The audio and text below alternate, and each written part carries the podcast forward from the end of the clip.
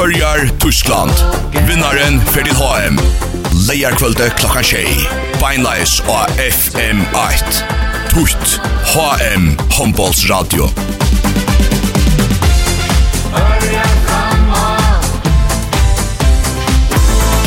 Frasagnen er stål av maler av Marstanen Ona Zachariasen og aurora.fo. Håndbåndsen AFM8 er sender i samstarve vi, Faro Agency og Vestpak. Og i drotteren AFM8 er sender i samstarve vi Movi.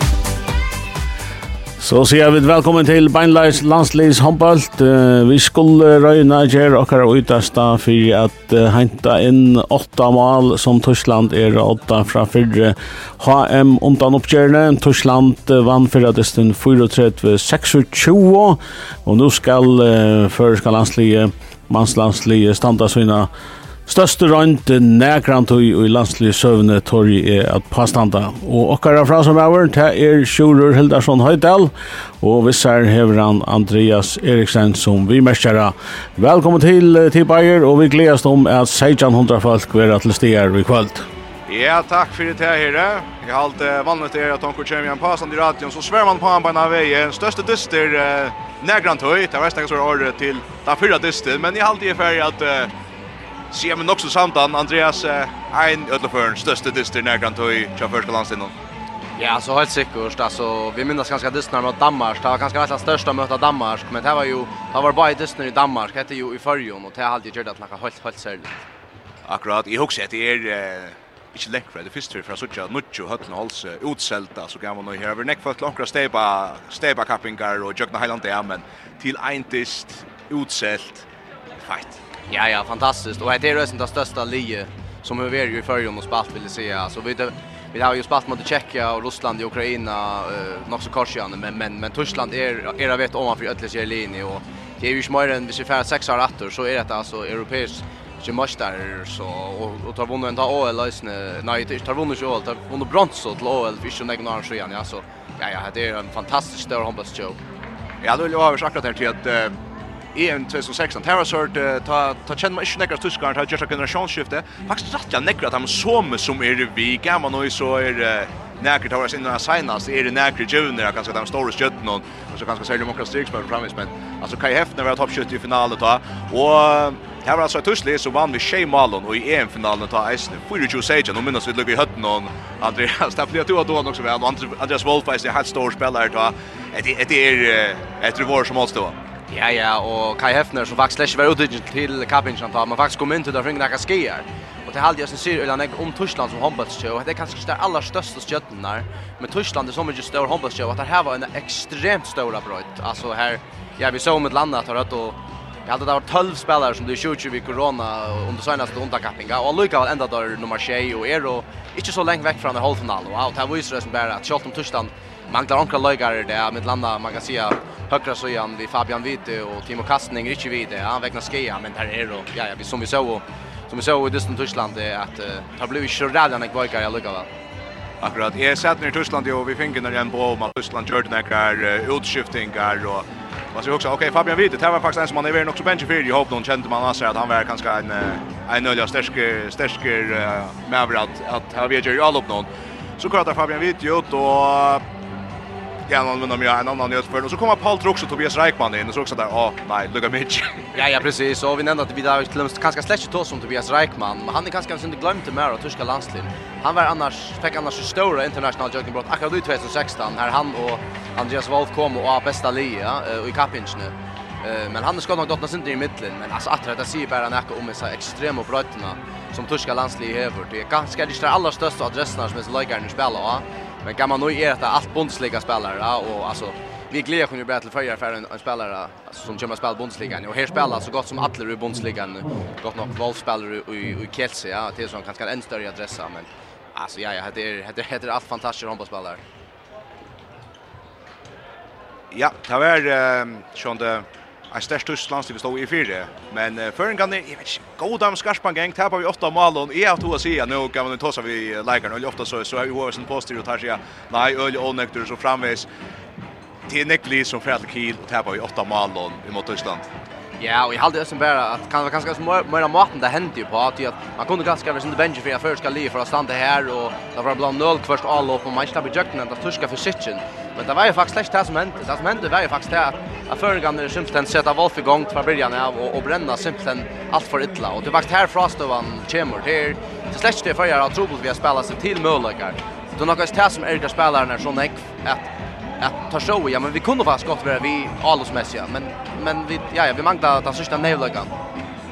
Vi får att läsa tyska lige från det om till är som Andreas och kompani så kan ska se till Tekon neka här Malveran er altså till Klimke ur Vetslar Andreas Wolf ur Vive Kjelse Lukas Serbe ur Lemko, Tobias Reichmann ur Melsungen, Marcel Schiller ur Frisch Göppingen, Lukas Mertens ur Magdeburg, Jannik Kolbakker ur Reinekar Löven, Johannes Golla ur Flensburg Handewitt, Tim Setchel ur Erlangen, Lukas Witschke ur Leipzig, Julian Köster ur Gummersbach, Kai Hefner ur Melsungen, Simon Ernst ur Leipzig, Simon Ernst Eidan ur Leipzig, Julius Kühn ur Melsungen, Paul Drux, Paul Drux ur Füchse Berlin, Juri Knorr ur Reinecker Löwen, og så Gibril Mbenge ur FC Horstå. Og føringarna tar er så jeg til Malvejaner, Niklas Satchvel ur KA Akureyre, Pauli Jakobsen ur H41 i Førjon, Roe Berg Hansen ur Høy i Danmark, Leiver Mortensen ur Otter Håndbold i Danmark, Peter Krog ur H41 i Førjon, Trøndur Mikkelsen, han er ur Viking Stavanger i Norra, Elias Ellefsen av Skipagøte ur Sevihoff i Svørge, Jonas Gunnarsson Djurus ur Viking Stavanger i Norra, Pauli Mittun ur H41 i Førjon, Kjerstan Johansen ur Önnereds i Svørge, Wilhelm Paulsen ur fram i Øslandet. Ehm så har Hago mest av Tajum ur Skanderborg Aarhus. Danmark, Niklas Selvig ur KF i Varjon. Roger Akraløy ur Odense i Danmark. Og så har Peter Mitchelson ur Hainan Fjers. Og så Helga Hildarsson Høydal ur Viking i Norra. Fem lagare i Varjon. Resten åttelands fra då som adresser så framvis. Adressen där blåa bästen bara. Jag har tagit som fyrt av sagt för det Här är det här blåa marmar imponerande till förjon. Ja ja, och tunna från lagar förjon, men alltså hvis vi ser Kapingar i Leo och spelar så fär har vi ju långt och flyr spelar så färra vad gör. Jag bär Palle Mutten och Palle Jakobsson har funnits här eh är adresser att spela och större dalter och det är ju bara affeknas om att ja ja att adresserna blir bara bättre och bättre och för ska landslaget eller stöja landslaget och vi spelar hacker hacker och det kräver bara mer och mer där som lägger fjärde ska komma i betraktning till landslaget. Ja, vi har ju till exempel en Akeiris som spelar i Erbundsliga som som inte är uttigen och ta sig väl det som syns om att att att stöje är blivit här öle öle högt alltså. Vi gör en utskiftning, Pedro Michelsson kommer in för Thijs Hotten Rasmussen noteras inte, alltså han kommer in just samma plats på i Berge och Alope. Thijs är med som uh, fick otroliga nega roser på en här som stöter vi såg här i januari. Men Petter är en som uh, jag kan ju tro är svänkare kommer in att göra månaden Ja, det är visst ju. Jag hade ösnat Petter kom in han sista dysten här mot Lettland. Det gjorde det faktiskt ordentligt gott. Eh och Djikic han är med som är nära han gärna vill präkva till att jag hade outjust att att han han är sin rätta landslin det är han. Jag hade spelat vid att se hur hur ölen är bättre än Josh Reina att ha en av till dem så han kom natter. Eh han är ju otroligt viktig för att ta ja ta något starta en dysten nästan han kommer i allt ja. Eh och så jo jo alltså i i Sean det Tyson missar till att Tyson spalt otroliga väl av landslinjen och hur men andra vi otroliga tryckor hade just det allra mest då. Men men i köp hade mycket som kommer att göra goda mål i vägen. Här ja här vi utlämnat fisk fick brukt Thais i Tyskland i här. Är det bara gott för hinna stickspelare när få få Mariallastning. Akkurat, det är ta tracken också tungt på att här på stickspelare som är spalt Spaltnek 6 mot 6. Ja, ja, akkurat. Alltså spelar du schema mot 6 eh så så måste du ha mer för stickspelare linje på så med landa att Sander Mikkelsen vara strykna en liten löte och Peter Krok där samma och det är ju sånt inte optimalt. Här ska man ju ha ha strykspelare och inte boys bara att att har onklan att alla så i myvägen sälja eh som är otroligt tydningar med. Här är ju ju att mycket som kommer att köra månader. Ja, för jag väljer samma vi med Anna Peter Krog som eh, ska säga här nere i Tyskland. Han ta, han var med som imponerar i tyskarna. Alltså tar tar sport han kom väl och han kom tar sport och sport på hans första i Melsungen så framvis. Han körde gott där. Ja ja, och vi vet alla Peter Krog livlas vid de stora disken och alltså där det är FN finaler och steba finaler och viktiga disser. Ta ser man att Peter Krog trackar ett giro. Så det överraskar mig på många mat att han trackar ett giro på att säga att det är nej och att de möter knappt den internationella eh toppmöte och vi såg ju att Peter Krog här en extremt god fysik och han vi såg ju att ja han han fick visst stäja emot det när tyska fysiken om ganska ganska han som stod allra bäst emot av öttorna och ja ja det det det bara får inte som tyskare i Jane upp i honom ja Akkurat. Nu börjar Hötlen att uh, leva väl upp här. Vi har vært nægge landslagstresonten. Her her var som så vært at vi har stoppat å spille EM under kapping av heimavøtle med landa. Så nå har jeg at vi stoppet å spille av hans av heimavøtle om vi skilja regnene rast. Jeg vet ikke om vi nægge når jeg ser en utselda høtt av halse. Etter kamp da en øyne stått i dag. Ja, ja, vi vet, det alltså kul kulissan är det så ramarna är det att att en en fantastisk anförskant det. Jag vill läsa se att det skulle bara mangla alltså att börja inte backa upp om om en VM alltså det är Det är ju gott nog vill ja vi vi där står som det samlar just lite igen men men men allt annat lyckas är det den största dysten i förskar hon på servo.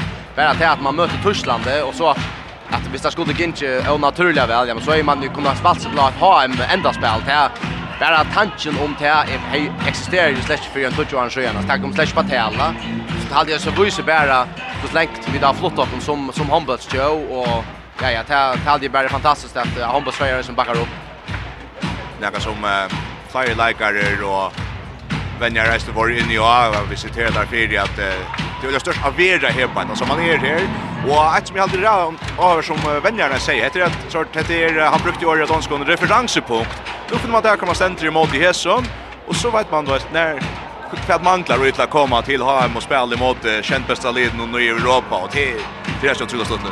Jo jo, akkurat det. Ja, och vi tar så kanske som att man är kanske i dessa fallen när man gör det i Tyskland här man kanske bränner för ett la och ja, jag kanske är i någon stöv för orotinera, va, men allt det här är ju vitla geva dessa rutinerna och till att eh, vad ska man säga, bitcha li upp och på att här att man kommer till till till några ända spel och och i närmaste framtid. Alltså allt är vi till att att att flytta kon rätt och rätt och lägga fram och det är alltid just bara att att man ser alltså det är bara en väg fram.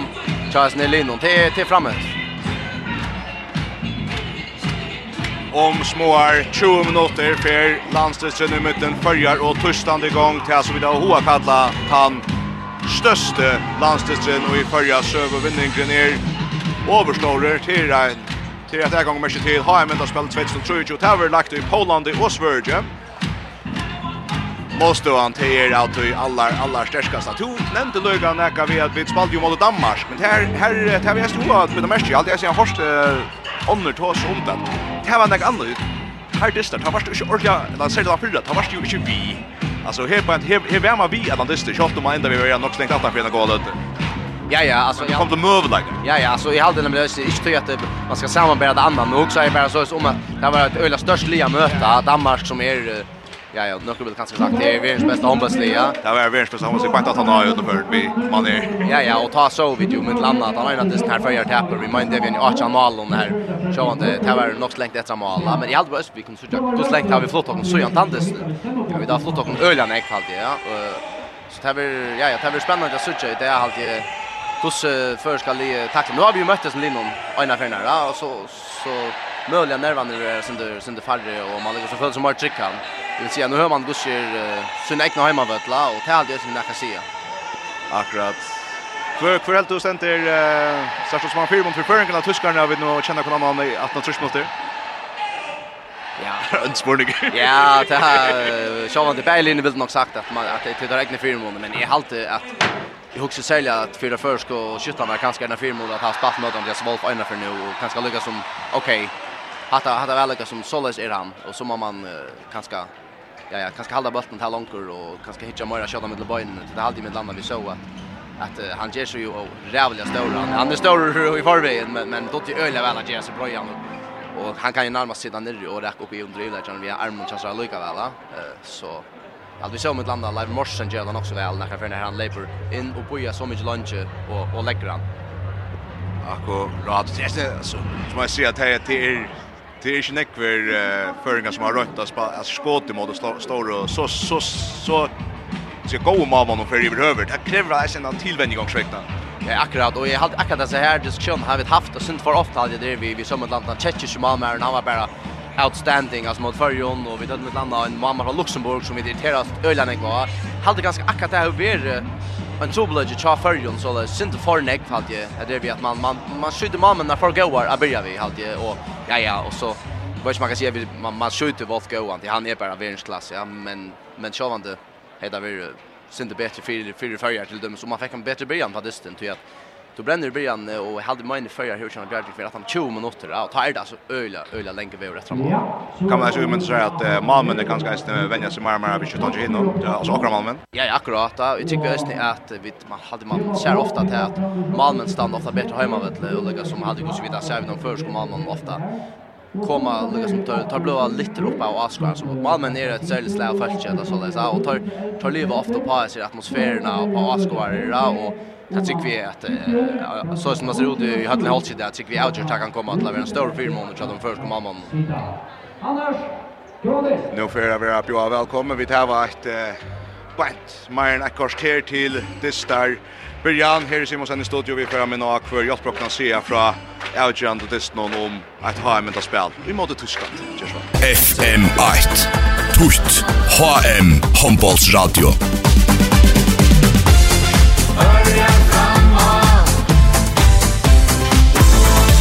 Frasagnen er stål av malerarmarskjæren Ona Zakariasen og aurora.fo.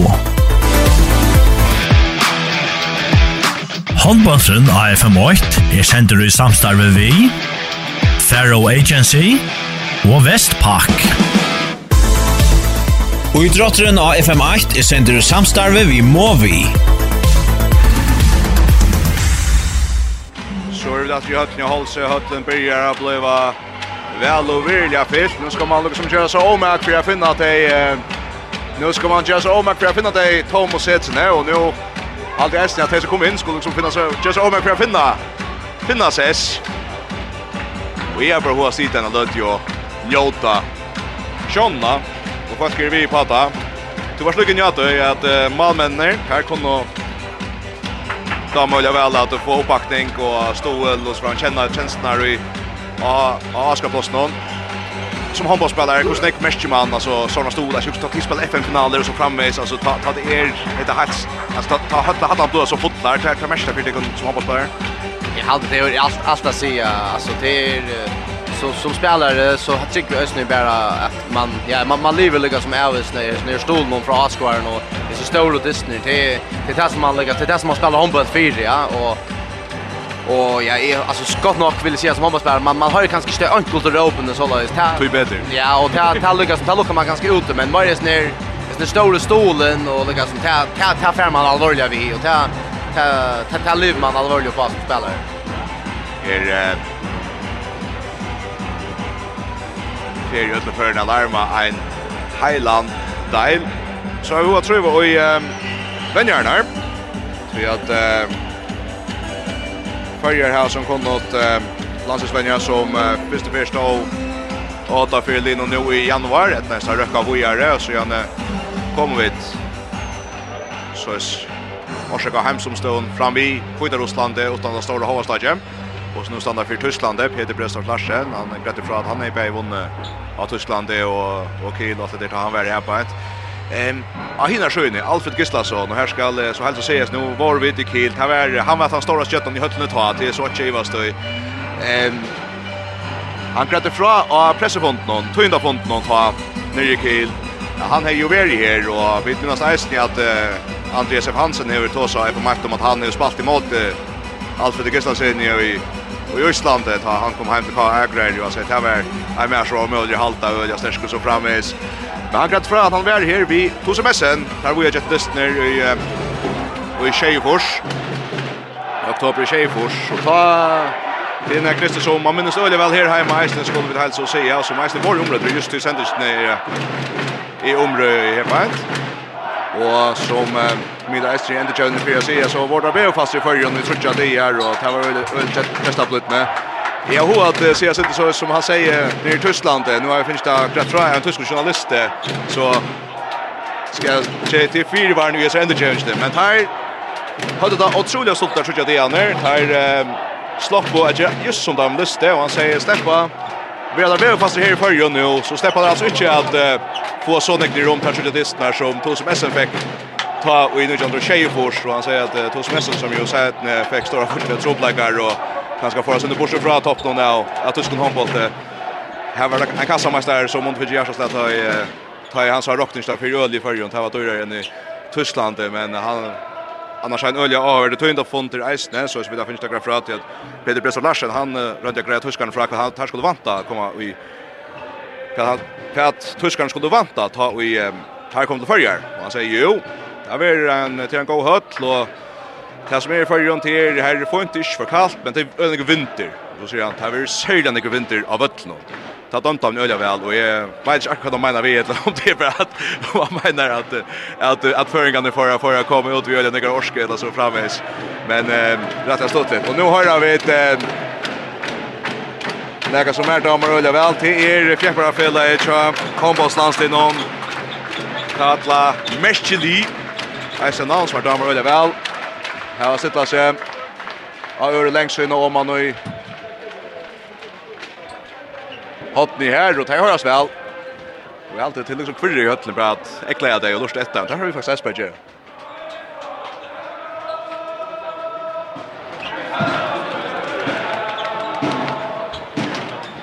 Og nu att han fyra upp så gör han först och landslagsläggaren ner sig till eh, Reier. Han kom in till HM undan Kappgardist i Tyskland. Han signas ju HM under Kappgardisten till HM 2023. Andreas, det var ett efter så då Poland svärde från i januari. Ja, så att vad ska jag hålla det först och främst så ska färja för in och nu den ner dysten att det är lätt lätt så gärna komma så långt. Och så ska man ju dra vinna den här dysten och Hvis vi på ett annat touchpunkt har spalt så fantastiska väl att man är framför en 5-6 mål så hade man ska vara riktigt efter den samlade sikten. Men först och främst så hade det varit fantastiskt att följa här när finna en seger där. Det är ju ganska som det är realistiskt men Så langt som støvende 0-0 og Disney ikke blir så alt, alt kan lette seg gjøre. Hører at Johannes Golla fører Tyskland inn av Vøtlund. Hette tre fyrir, han stendte i fyrir fyrjon. Første fyrir var i 2016, det i Algeria til det som kan skriva. Sinde Meira Voyager til Wayne Johaim Tjokon enn det var tja Taimon. Og det var en dystri her i føringene. Det var faktisk en sånn kjensla. Man kjenner føringene spalt sitt mødleggen, for så oppverden i hvordan vi hadde la fire. Men enda vi har tapet vi nok steg om Alon. Og så kommer føringene av Bøtlen her. Där er Rob Rækaløy som fylger som leier förska landstid av Bøtlen, så han kommer Helge Hildarsson Høydal, Hakon Vestal Leivor Mortensen, Roe Berg Hansen, Kjerstan Johansen, Paule Jakobsen, Jonas Gunnarsson Djuros, Niklas Satchvel, Peter Mikkelsen, Wilhelm Poulsen, Trøndur Mikkelsen, Peter Krog, Niklas Selvig, Paule Mittun og Elias Ellefsen og Shibagøto. Høtlene holdt seg av foton. Og faktan sjön och likar som blir björa välkomna nu här. Vi har långt lyst linje upp den graferingen ganska kan täcka tuskar så spelet här komma. Men det kanske skulle denna andra minna men alltså nu där vill jag nökrom men först skulle sälja hans efter Andreas. Malman då. Nej, Jag vill säga alltså det är Kai Kai Hefner som högra backor är helt säkert tunga mycket. Annars det kan sen inte säga att jag tuskar det här som mycket större bröd tar ju här så jävla stor stjärna. Så vi går nämna Johannes Golla som kanske är den största största stjärnan. Så mycket mal malvärje men annars har då Nekvar alltså Julius Kühn är fantastisk skytte. Vi såg Juri Juri Knorger den där närmast Akasman i hot till Jörn Holland utanför där kan i fem mål. Att Ali är ju bara otroligt Nekvar goa likar så jag hade kanske först det vill säga att Tyson skulle bli in i att och kvar man ska sätta. Och så han sätter ett lot. Ja, ja, klart. Det är ju ett inte liv i form profilen när man kan se utifrån en första match så är det alltid just jävla stora profiler alltså när Lind. Vi får röna att läsa det här uppe här. Här är det alltså Johannes Golla, Tobias Reichmann, Juri Knorr, Lukas Serpe, Julian Köster, Gibril Benke, Kai Hefner, Marcel Schilders och Andreas Wolf. Det var Malvärens i Atlantisten och Jörg Jokken Lugg Ulla Trobol. Julius Kühn så gärna, Lukas Merstens, Simon Ernst, Paul Drux, Tim Sechel, Till Klimke, han är i Malvärgen, och så Luka Vitske. Så hade vi för att bara geva, hattar spikar nåren, hattar föringarna bera. Det Nummer 8 og lysebarer Joker Ekvalor!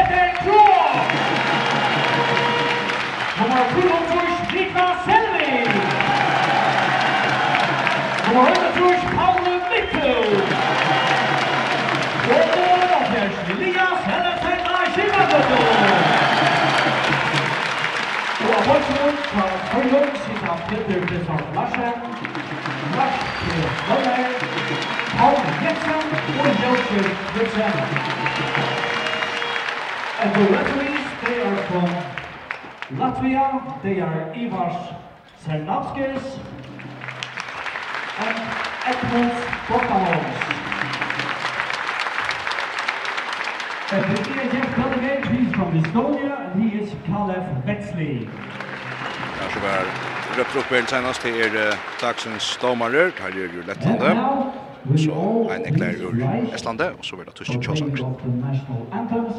And we start with the national anthem.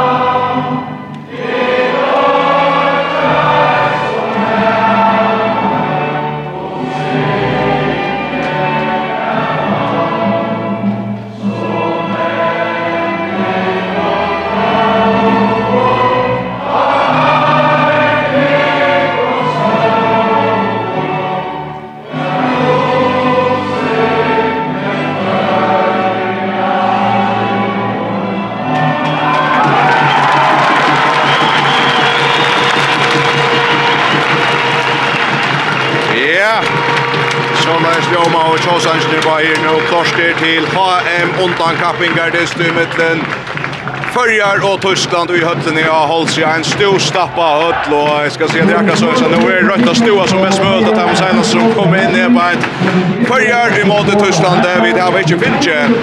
Börjar nog till den men nu får jag få av en snabba in av vägen Paul Jakobsen för att bli mål Teach som Robert Hansen för att bli av vänstra bunche. Sönder Mikkelsen av vänstra bunche. Elias Elsa Schipper det är tre halver mitt fyra Kjartan Johansen och högra bunche. Hakon Västra Lion og høyre av Bonche og Helge Hildarsson høyde alle i strik. Det her for jeg som er til at vi byrja vi Bøttelån for at byrja vi Alopen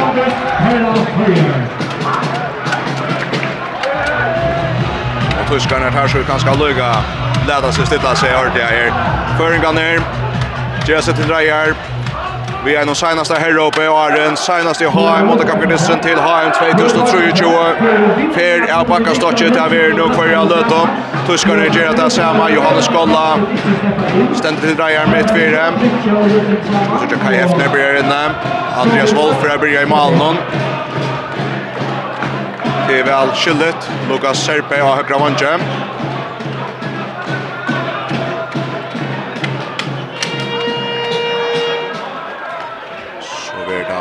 Lukas Mertens av Vinstra Vondje.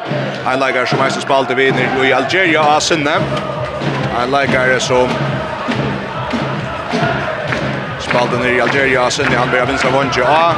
Okej, okay, vinstra batje Verda, Vitske, Amine Julius Kuhn, og høyre batje, høyre batje Hefner, Kai Hefner, og høyre vondje, Edda Serbe. Lukas Serbe. Lukas Vitske mitt i, og høyre Oj, han skolla i mål Andreas Bolt hade pingat där vid nu efter hånden. Föringarna i kvitton, spiller vi hemmaliten, puskar ner i Svørston, Vi ser noen Reion, Struporna og Åkron Luttlund, Golona, här är snö föringarna i kvitton, vi Rejon Trölund og Blaun Bråkon. Här lever tuskarna, spiller vi for Julius Kuhn ut av högre til Vitske. Ända där vi är stannat om och bakom på er, backarna kjöta mål, Kaj Hefner mitt fri, Utbildning Jonas Kuhn, han bra här på ett måte. Och måste bli jökt när vi pengar här efter. Det är Roa släpper fram som första man så kommer Anna med över en beina vän och tacklar. Frukast till Tyskland. Sirenan Jomar, i röd ner för Jonas Kuhn. Plats skott, han slutas lejsan och så blir han tacklar och harst. Ja, han har lyckats på fra här och alltid helt som är uh, ute i skottarm, John. Rattelig ekkert sett ut her. Andreas, dette er uh, Han kjører ta pengar alt. Ja, så han var inte så jävligt äckligt i beröring allt, men mer at, att att, att han han legger akkurat upp till skott allt och helt ju kommer sönder nojan alltså det är inte att det är ju sträckt han arm som så men han kommer Ja, det ser ut som det fløtjes litt ut, men det är inte dømmer som han diskutera. Jag vet ikke om det diskutera utvisning eller rätt kors eller gott ja jag man säger mer jag var ju Gustav uppfattar så stövna vi ser ju Gustav Jules Kön för behandling och Ja, det ser ut som att komma upp nu, men ja, vi måste bara kanske hoppa att Helge inte färna rätt på Sjurus ner. Vi bara hoppas att ända vi har utvisning. Ja, okej, ja. Ja, vi har utvisning. Så, vi har spelat knappt en minut. Första förskott utvisningen är Verleitje och Fyrsta förska ut och Chivela så och är så lycka hooks ena löt ja detta kunde vi uppe att det värre. Så man plats bench att domar för prata så här.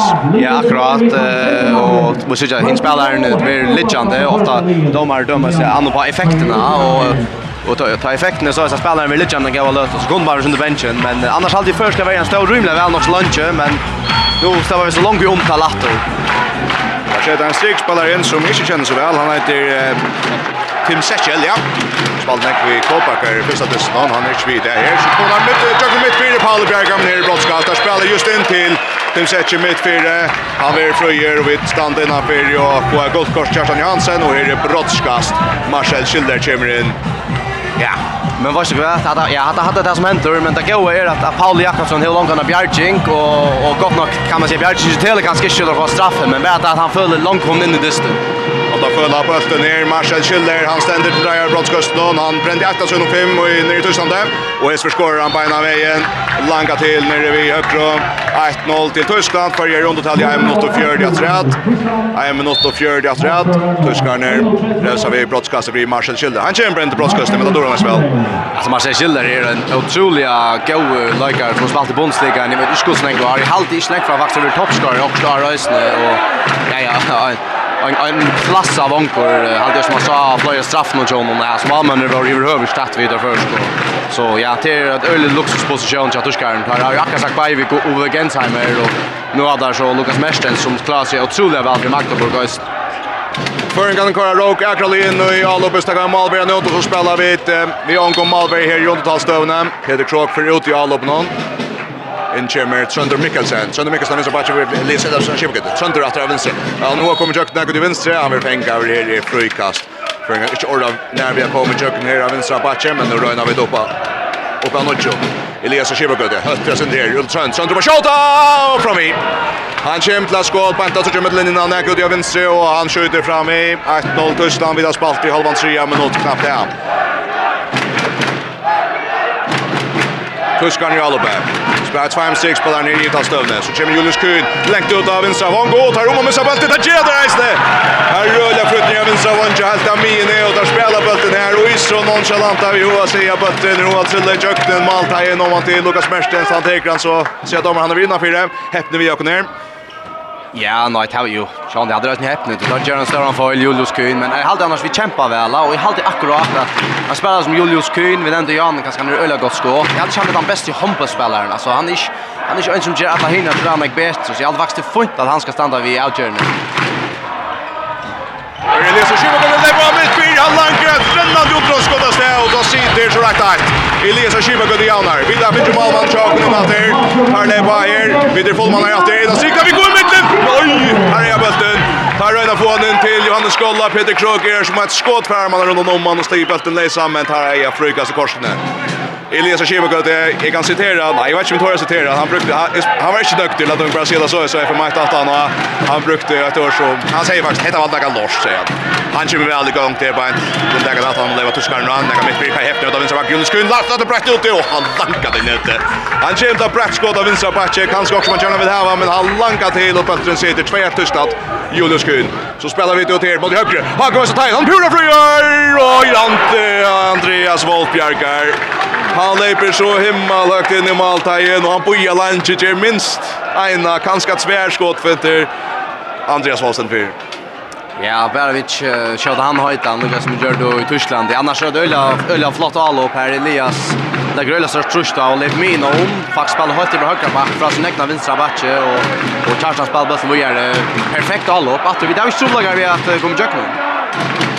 Føringa leir bara Elias med fyrre, hikker mot venstre her Trøndler. Så Elias atter på til meteren, blir møtt høgt. Hikker na stikna, hvor er Kjerstan? Kjerstan har stikna, helgjum na, fresh metronom, og frykast, og det er guldkorst. Det er godt kors. Et Ednast Olje får bøtten av stikna her fra høyre bakke, første distan. Det er det snakker skjer. Ja, jeg tror ikke jeg helgjum lukka som sier at det må inn til halde østen, godt nok være helgjum hilden, men en strikspiller som så mye går som helgjum, han kunne godt ha loftet denne bøtten, men... Og Matur Grykker innflegga, og nå bøtten blazer. Nu är bulten läser Tyskland i fåan. 2-1 till Tyskland. Vidar spalt 25 minuter för att härna strikna. Johan Skallafäran. Oj, han väntar sig och skjuter. Ja, faktiskt från 8 meter. Och fram i åkrar värjeläggare. Och så tror jag till Tyskland. Oj, det var från. Ja, till en strikspelare som kan äkta. Man bara säga. Han får bulten. Och han har drar inte igång nästan att kommer fram vid Helga. Han lägger som bara till syna. Och så knallar han till. Ja, ja, att det är det är ju åt en grund att här blev bästa bästa strikläggare till senaste EM mot Kapping. Förren går ju aldrig bli att han för ett tror jag att börjar spela det vi Elias och Trönder Trönder Trönde mitt fyr. Hötter att Kerstan Kerstan kommer cross. Så han krossar Elias han förstärker röd Kerstan är vi tackla vår nästa på botten. Vad är det frukast. Frukast till förjar. Elias och Schibbe går till i botten. Gick mot venstre. Och så långa till där Rennerskåd. Elias Akiba Gödde. Ett efter den. Den Rennerskåd. Det kör sig mer fram i Axel. Det var Ilio som stryker upp i Malhoppne. Trui 2 till Tyskland. Och så blir det 4-2. Så Gjeddar Öle köttet alla på mittfyrer. kommer att Lavin Jökten i Vitske. Luka Vitske langa till och så är 4-2. Så blir Elias alltid in. Finner Kerstin Hansen. Då högra vank. Vi släpper sig Jökten. Men... Eh, Ja, Elias han uh, börjar väl näka väl bättre än uh, att han sampar sig själv och gör det här nere. Ja, ja, jag hade ösnä att uh, Elias är inte bäst att det Tyskland. Där man bara säga, Sälja sälja vis man inte rätt skott och här han stod där bränna åtta skott till näka så öliga och vann för för för Elias och ta Det är raska mycket att han över jag brukar några runt så lägna övrig. Annars är han ju alltid god i assistspel och ja ja men vi bara se jag börjar öliga väl och klart för den största hatan till förrjun just just nu. Bra til Kjølver, og rekker Andreas Wolf PSP. Han kommer fram i midtfire, og Andreas Wolf bjarkar torren ut i helgerøyna få han, men bøtteren ligger fast i måltegnen, så jeg tar målkast, det har vært hitjer, så leper drar han, i høyre, kvar øl fjera, så vitske mitt fyra. bakker han synder, Ivas, han du får stekket han synder for fisk, Julius Kuhn, ekkur rutten fjera, inn mot mine, så leper drar atter, helt ut høyre bakk, Atromsi, og man høyre vong, tar i kjøkkenen, og brottskast, vi drikker samtidig, og tar i helt ikke ut ut her, vi har en utvisning til Robert Hansen, Og domaren fær nokre borgarlig år av en fra Petre Bredstad Flasha landsvenjara. Ja, jag hade smittat samt till landsvenjaren chocknar. Ja. Jag måste säga att jag söker inte ordentligt alltså kontakt. Jag söker att att Vankern Labour som ska efter upp och men det som irriterar mig också när jag tar samma hänt i Tyskland ja och alltså vi har ju ratat för såna grunder till. Marcel Schiller och öjliga häktestet i nät och så är 5-2 till Tyskland, 5-2 till Tyskland. Marshall Schilder vid sönder en brottskast. Vi tar långt vid 2 och ska på 6 minuter. Ja, det är syns helt. Ja, och det har alltid faktiskt varit ett, ett tema i hindest någon. Alltså, är, vi får tjej utvisningar i Tyskland. Det är rävligt, gärna. Gott nog för Tyskland, ösen tjej utvisningar. Men, men det här lägger den här rytmerna i, i varje och Alo. Man alltid ska gänga ihåg som att man spelar åt en Malman och man är under alla vägen och så. Så det Det är ju inte mer att vi tänker mycket syndrom. Sälja sådana här utvisningar som är öliga tjejligare, alltså på, på kanton vång. Nu lever då att Elias är bara mitt fyra över tackla vår frukast. Frukast. Tog en gånger späckliga mot jag vet att spalt i åtta minuter 5-2 till Tyskland. Vi är en undertalsstöv här i en gåa minut att rätt. Elias Kjøbe gøtter mitt fyrir ved Per Hendras på Kjerstan og Kjølla Kjerstan Johansen. På henta av Alf og så fram atter Toren og ja, brann i målet Kjerstan Johansen reker et pressa skål på henta Andreas Wold Bøtten snøkker ut. Han stekker Kjerstan ut til skjøtten atter men Kjerstan fyrt fram igjen og leker at Sveitsen i måltegn og Per Sett Bøtten i nete 5-3 til Tyskland. Kjartan Johansen vi er noen rattiga sørstykke maljer. Så det var tyskarna inn mitt fire. Og kommer skått ut av vinstra håndka. Kommer Deis i kjøkkenen. Og tar skåra. Oi, godt vangskått der fra Lukas Mertens. Høtter. Så Tyskland fyrst man lanka bøtte mot Nærmarstong, så ser han langre. 6-3 til Tyskland. At det er noe løtt man der få nå, Aldje?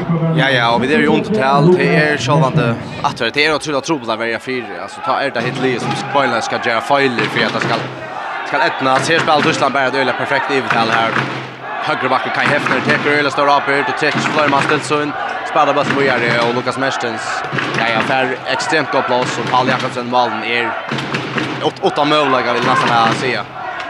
Med deras spasar Charstan här för det är satt mitt fyra Pjora och Charstan Charstan då högra vånk Hagen i jakten. Hagen nästa tajl skorar. Minkar om till 6-4. Lutcher Lutcher så kastar mot Tom mål. Oj, Jesus Johannes Golla. Han bomba bulten i nätet fram i när Paul Jackson kommer tuskande in och han är akkurat nå signer han är akkurat signer till ända bulten han fyr flickvande fram gör någon han tvåts in mot mål och Josef Holvon Shay för det extra säljer mål alltså för jag ser att han plus är onsant han börjar kasta mig in men det var faktiskt onsant jag fått mål Ja, det är nästan det här som skott jag säger att kan skott fram in i allt. Han så knalla bulten till och Paul Jakobsen är faktiskt kommen alltså innan alltså han kommer 6 meter från förjen också där och är alltså vi mål men alltså han kan skjuta så mycket här så är det nästan någon chans Det du ständer långt ständer i målen. Så Tuskar ner, Röja där, och så skjuter Elias, han räcker i the journey ut, han räcker i det journey ut. detta skott, Heve Tietje, Andreas Wolf har bollen, men han räcker i the journey ut. så blir Jules Kuhn hemma, vi får hända han för Fisk, för Vitske, att han har tagit blå via krossa, så pratar mot Mine, Rönnan får stäcka honom, Rönnan håller pressen, det gäller inte, vi får stäcka den Fisk i alla nivå. Hötlen fakta då, vi får händerna, tar Tuskar skjuter ner för Fisk, Elias Ida sig öle. Ja så Wolfaffären. Pura ska ju med till då. Han bulten träffar i Lejarn stöcker i golvet och Fritchen. Schaefer till Tyskland, touchen minuter Farner. Ja, Lanses någon har en måndag för det skulle med den Tyskland och förjar. Det gör inte alls Kai Hefner. Det är bra. Vi får stäcka någon frukast. Frukast.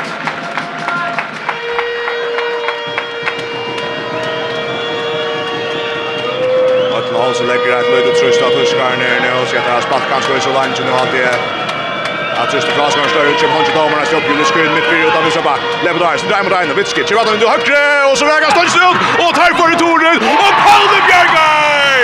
Pauli Jakobsen vid Bjergjeng där Lukas Bergström pengar i tornet vi tar Nina Stöd, vi ser Ferra Ödje kör fram ett Elias för Burbalte fram, hickar mot högre som mot vänster och så Hör vi då med sig Håkan Jackson.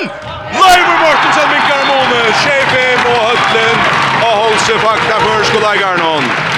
Tjejfim til Køstland, Børganer, Mikko Månen, og etter akkurat her vil jeg hava en rymmar bjergjeng, og så det sa jeg der. Ja, det var sannsyn hundt alt, og det var som fyrir føringarne alltså stäcka och sen dör och så satt jag under mycket sen jag menar här faktiskt han som täcka vinstra vång till Akon och så spelar han bara ett norrman och Leiver kommer akkurat lika väl in i hända distan som han gör i Tyskland. Det kommer in. Här kör det hela gott loss. Men Geos är det Tøyna som ska till för att skåra mot boll. Sheffield Tyskland som missar där bollen. Där Geos Vi får bollen där. Släpper skjut. Vi släpper inte pistol Geos och Ryan och håller pressen ner där. Vi gör Krulch. Den charge han kommer in för Peter och så taggar Fer ner här. Förra kunde minka ner ett mål av Mono nu. Sheffield till Tyskland. Ett och en halv minut i färden. Tyskarna gör några misstag nu. Och så tar Peter Bressor Larsen timeout och Så släpp du upp på den trodda spurning, Andreas. Kvärt sker här. Ja, alltså... Det är stod lugg offern som är? Ja, synd offern, ja. Det är allt faktiskt färger. Akkurat finns ju synd bättre här med halda dess någon faktiskt. Men så det... Det kan vara också standard också efter om. Jag vet inte om det är... Det ser jag förstås. Om det är 6 mot 6 eller lugga som han följde ganska att lugga få bollet till stäck och spelaren är med vid där spalt vid dem som sov dem som spelaren och det var ju ordentligt alltså Jag tycker att går är av alla lyckas gott jag stämma ut någon som föringar. Jag vet inte ordentligt men det, så tar han vara. Ja, jag vet inte ordentligt faktiskt. Jag går som så är det Väl lukar mycket för Jokkom. Här har Ostakol Tosso med Shefim. Först landet vi kommer på en så sen oss lötma. Det var en dejlig lötma. Vi följde det ordentligt hötten i allt det. Alltså nu var föringarna vi efter. Ja, ja, det är det är två mål om månaden och färgar i alla uppe. Alltså jag kunde vi minka ner till till åtta mål och här vi långt har haft två utvisningar i dessen om och det det är väl jävla gott det att ta kunde säga sån det är sån svarst ut, ta vi, Ja, vi var ju där vi mer attan för långt och lägga som valt för kommer sönder gång, men jag hade först ska Leo fått sig sönder bättre nu i vägen och klarar sönder bättre stanna mötet som fysiska trusseln. Det är som vi får spela, vi ser månen nu all opp nå nå. Rå Gregrod kommer in. Paul Jakobsen vill sidan de har bunch någon. Så spelar Peter Kroggeist nu all upp någon av vinstra batje. Av vinstra vange Robert Hansen. Av vinstra batje Peter Krog, Amin Elias Elfsen og Skivagøtti. och Högra batje Kjartan Johansen. och Högra vange Hakon Lest av Tajon. Vinja strik någon bavo nere. Rå Gregrod och Helge Larsen Høydal. Tyskarne stand in i boja, så Peder kjøp hatten under vinstra batje. lägger Elias och Anna. Boja sen sin dørsjokk med den här postpassaren. Kjartan, Kjartan i plass. Och Og så vart det tråk inn i striken i alle, ja. Feilskrinn inn i striken og hetna hetna sånn ikke særlig. Hetna hetna sier øvrig, skulle jeg si. Nej, alltså det ser ut som att uh, Helge gör några screeningar ute så Kjartan lyckas som ska kunna komma jökna sin egen åtta så ju. Kjartan vill spara bollen ut till haken. Helt faktiskt bollen fer ut om. Men men vi såg alltså domar domar för falskning och så det Helge shit i Georgia. Jag måste säga att jag hoppas mig. Nej, att det ser man själv att man ser fram vill säga. Tyskland i Alibati, Julius Kuhn, trippla ut mot högre, vi är det högra bak och så tråkar på inte någon! Där tråkar på inte någon, på inte Krovia Elias och så får jag bulten attor. Följar Aja bulten efter att tyskarna har tråkat så får färdig fram efter Elias och Kibbe gått upp och ger sin direkt till Föltje så ska vi ta kända mannen till Robert Hansen. Till Robert Hansen gång som heter Krokan Match eller så som skulle gå upp mitt fyra. Spelar han Kjartan ner, Elias Hultra sönder Bojar Jar backar efter. Kjartan nu, Elias mitt fyra. Ligger mot Lisa Match, Peter Krok. Vi tacklar och nacka. Låter Karvojara.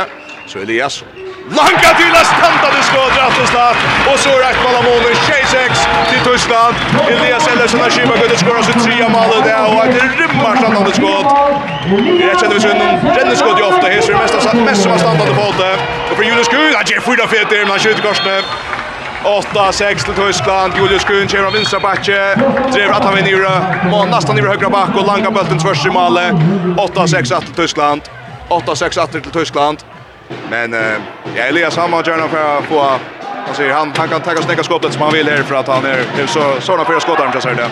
Ja, jag tycker väl det man man var ju om att Elias för att spela bättre det är att som han uh, lyckas med sig hans person jag han uh, ja ja han han lägger så sorts skjuts alltså själva han och han levererar ju så gott som kvar för och jag kan ut och ge löt och så skjuter han skott som blockar räcker men nej nej Elias över en standard i så första första minuterna. Elias som sier att det skjuter nämligen här på ett. Jag kan blocka vi får hålla kast där. Och så lägger det Jackson till höger bästa mannen så är han rull. rulla fast där. Och pass jag domaren ner. Så tills vi bultar. Han han får en bult i sen för armen. Han får en gång göra att han skottar till Elias. Jag ska vara en utvisning. Nej. Brottskast värda. Men eh, ja, så han som etablerar sig vid skott och mitt fyra så nu bryter han Jökner i högra. Han själva att attacka. Han försöker att attacka. Emot Andreas Wolf och i tyska Malmö. Wolf kommer lengt ut i malen, han Elias Høttefest. Og så langar han bøtten opp i malen til høyre med seg. Ett mål av Moniator. Åtta tjej til Tyskland vid Aspattøy. Knappt ett kvarter. Knapp ja, ett kvarter. Elias har Ashima kunde bli sund. Fjorda mål. Fyra att han och tjej först går över. Han skorrar här på ett. Åtta tjej till Tyskland Vidar spalt i just ett kvarter nu. Tyskaren i Alupe. Han tycker färgerna bötten hon. Johannes Skolla kommer runt i en Aronking. Så lever det mittfil. Det är sin Vitske. Så blir det Julius Kuhn om han har vinstra vann. Vi får händerna där och Kjartan Johansen lägger tacklan. Och så lever där under Kötta. Inom mot Mini. Hattar man ut i högt. Det känner Ölle ofta. Så kollar längt in Hinvin. Kai Hefner. Inom mot Mini. Atter. Innan Sikna. Och vi får stäcka där om. Vi får stäcka där om. Rykas Tyskland och Nutjon. Här kör tempo mot högre så mot vänster och vi får oss där för så löt i Hasta så till ja till så gammal i berg över en chock och all upp till Tyskland blir blå syndika åter där ända flyer like är vi att nästan sida går över någon här och föringen kan tackla. 8-6 Tyskland och föringen kan bli det vidare snart. Ja, man måste säga att det är rätt många mån och man följer ja, jag följer det finns ju bara fatter i vägen nu. Annars alltid att uh, Kai Hefner har en tendens att komma väl och vilja upp på att fjärda kanske femta skritt i Arnas på bollen vad? Eh så ta ta går ju nära som hoppas domarna som bara fokuserar till att han är en otrolig god men han bjöds inte att släppa göra sån exkryt. Han grunda jada lattar för där en nej där. Julius Kuhn är bra så matche. Vi är då mina så kör just Kai Hefner här för högre. Så kallar bollen åter i mitten så en Mian och högre backer. Och så är det Peter Krog i rymmar tackling. Luka Vitske tar en att tyskaren. Han tar domaren uppe. Där får han den signa. Vi får se oss vill han uppe sig till. Peter Vi er blå synder hatt her, så skiftar vi døle kjøttet og drog Gregerløy skal inn i Miverna. Peter Krog fra Notvising. Nei, altså, hvordan det irriterer, det er ikke akkurat så godt. Ja, det er akkurat det som først skal ikke jo bruke, for jeg tror jeg kommer undertale der veien hos deg som en vel. Nå, nå blir Ruttmann bråten i vergene, og nå får jeg Tyskland, sånn, det kommer han glatt her til chansen, og Albert Krok, han är sjön ju öle högt tändningspunkt där hade och han är så ganska sånn locka och kommer med det. Vi har någon släge som han har tackling och i aldrig när Vitske lika som lägger högt det som drar skrada och så är det rakt och han han han utvis kan gå försväras men så det är klart.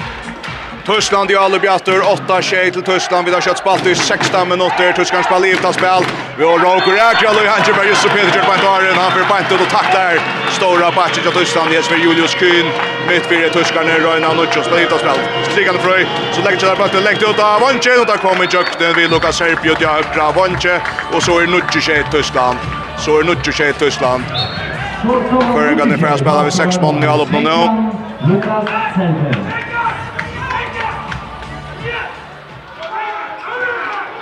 Prata där skärman här. Backa ner. Här kommer ut igen. 5-1 varje tuskar ner. Vi Julian Köster. Läkt upp ju här där. Sönder, Om man har tagit mot Elias Lekitera, nummer fyra. hickar mot Helpet Sönder, mycket sönder i köknen! Han skårar! Han skårar! Ett mål av Moni Alter, 28! Trønder Mikkelsen, enda ut i högra backen så kommer Nødja Fere, Elias Vindran, och här är Hui oppi og i Tyskovergene, och Trønder Mikkelsen langa bøltene ned til 28 till Tyskland. Føringal Mikko Mona, spennende strikene, og tar til at tråkene strikene, der spennende inne, en ny gang fra miene, Rodriguez match att han kommer Renaldi Amin in och här sina föringer för ju fram på inte Krovi och domarna ser helt råk. Nu 28 till Tyskland och nu spelar Färja för Jauna. Nu spelar Färja för Jauna. Vi har spalt i 16 minuter. Av fyra hålla inte. Oj. senaste har mot Kapgardistan. I mål till Tyskland. Elias Schibbergötte. Nej, bra där mitt fyra. Så vi han skrattar ner. Johannes Kolla skal ha vant i tvær minutter. Breda og Hanna i lese skiva godt gjort godt. Her hade jag så sådana høtt som inte starkt på. Ja, ja, vi hade faktiskt han utvisning kan försväras men Maluk kan man säga, men de tar som Kai Hefner och Jan, här kommer Elias, kus jag snupp på fyra, fyra möjliga fem skritt, men hatta tackar vi väl och vilja vi upp. Förra spel i utan spel. Här var tvärstrik i Roker Ira Mine. Så är Helge Hildarsson Höjdalen en strik. när Elias Nej, Lise Kibbegötti har rätt till honom. Skall han ha bult ner av Vinsra Bacci och Lägga där första tröstjuk sig. Färbulten ner. är bra mittfyr. Nej, guldet mot högre. Finnan Kerstan. Backar där alltid på ett tvär så Charles nok til Gustav Sarot så tar Boja center så Roker kvist pressa in åter. Så Charles Charles jogger högre och tar fighter sig fyra tuskar ner och här är tråk här är tråk Föringarna missa bulten tar upp Pura Lisekard här Ja, vi lockar henne fettle. Ja, alltså jag jag hade möjligt en av de tyska lägarna kanske flytt sig, men den har inte sen stittler så hade jag hade pura rätt dömt och värre. Här skulle Justin nog haft gjort som annars är otroligt att onödigt till att spela vunchen. så Här skulle han bara spela på vunchen, men han lät sig locka. 28 til Tyskland. Føringan er missnudda. Missetnas vi måla kan ha jauna i hese jævlevne. Og at Jan Oan Holver minutt i færna fyrir holda ikke. 28 til Tyskland, Tyskland Jalope. Og jeg nekker skiftingar i stikken til Tyskarna. Videre fullmann er etter Julius Kuhn. Triplar ut svars rommer. Der Iva Støyde, 20 domaren opp der. Her var 6-1 etter 5 nå. 4 nå er midt 4. Julius Kuhn sitter 4 mot høyre på 28. Här får han Hanko Vestatajon och Luka Merstens för att Lyckan upp i loft och Lukas Merstens han finns här. Jag hoppas jag bättre utgångsstöj och släpper först efter spötten. Bøttren för flickan upp på loft och detta ner och Tuskar ner är Donnelly att täcka till sig ner. Och häcknar en lit. Nu tjotta till Tyskland. Men fattlack pressat där i världen. Ja ja, hade er, hade ordla gott. Vi då som var Hakon nu ordla gott. Gå loppstyrs här så jag vet att Lukas Merstens sändas han för.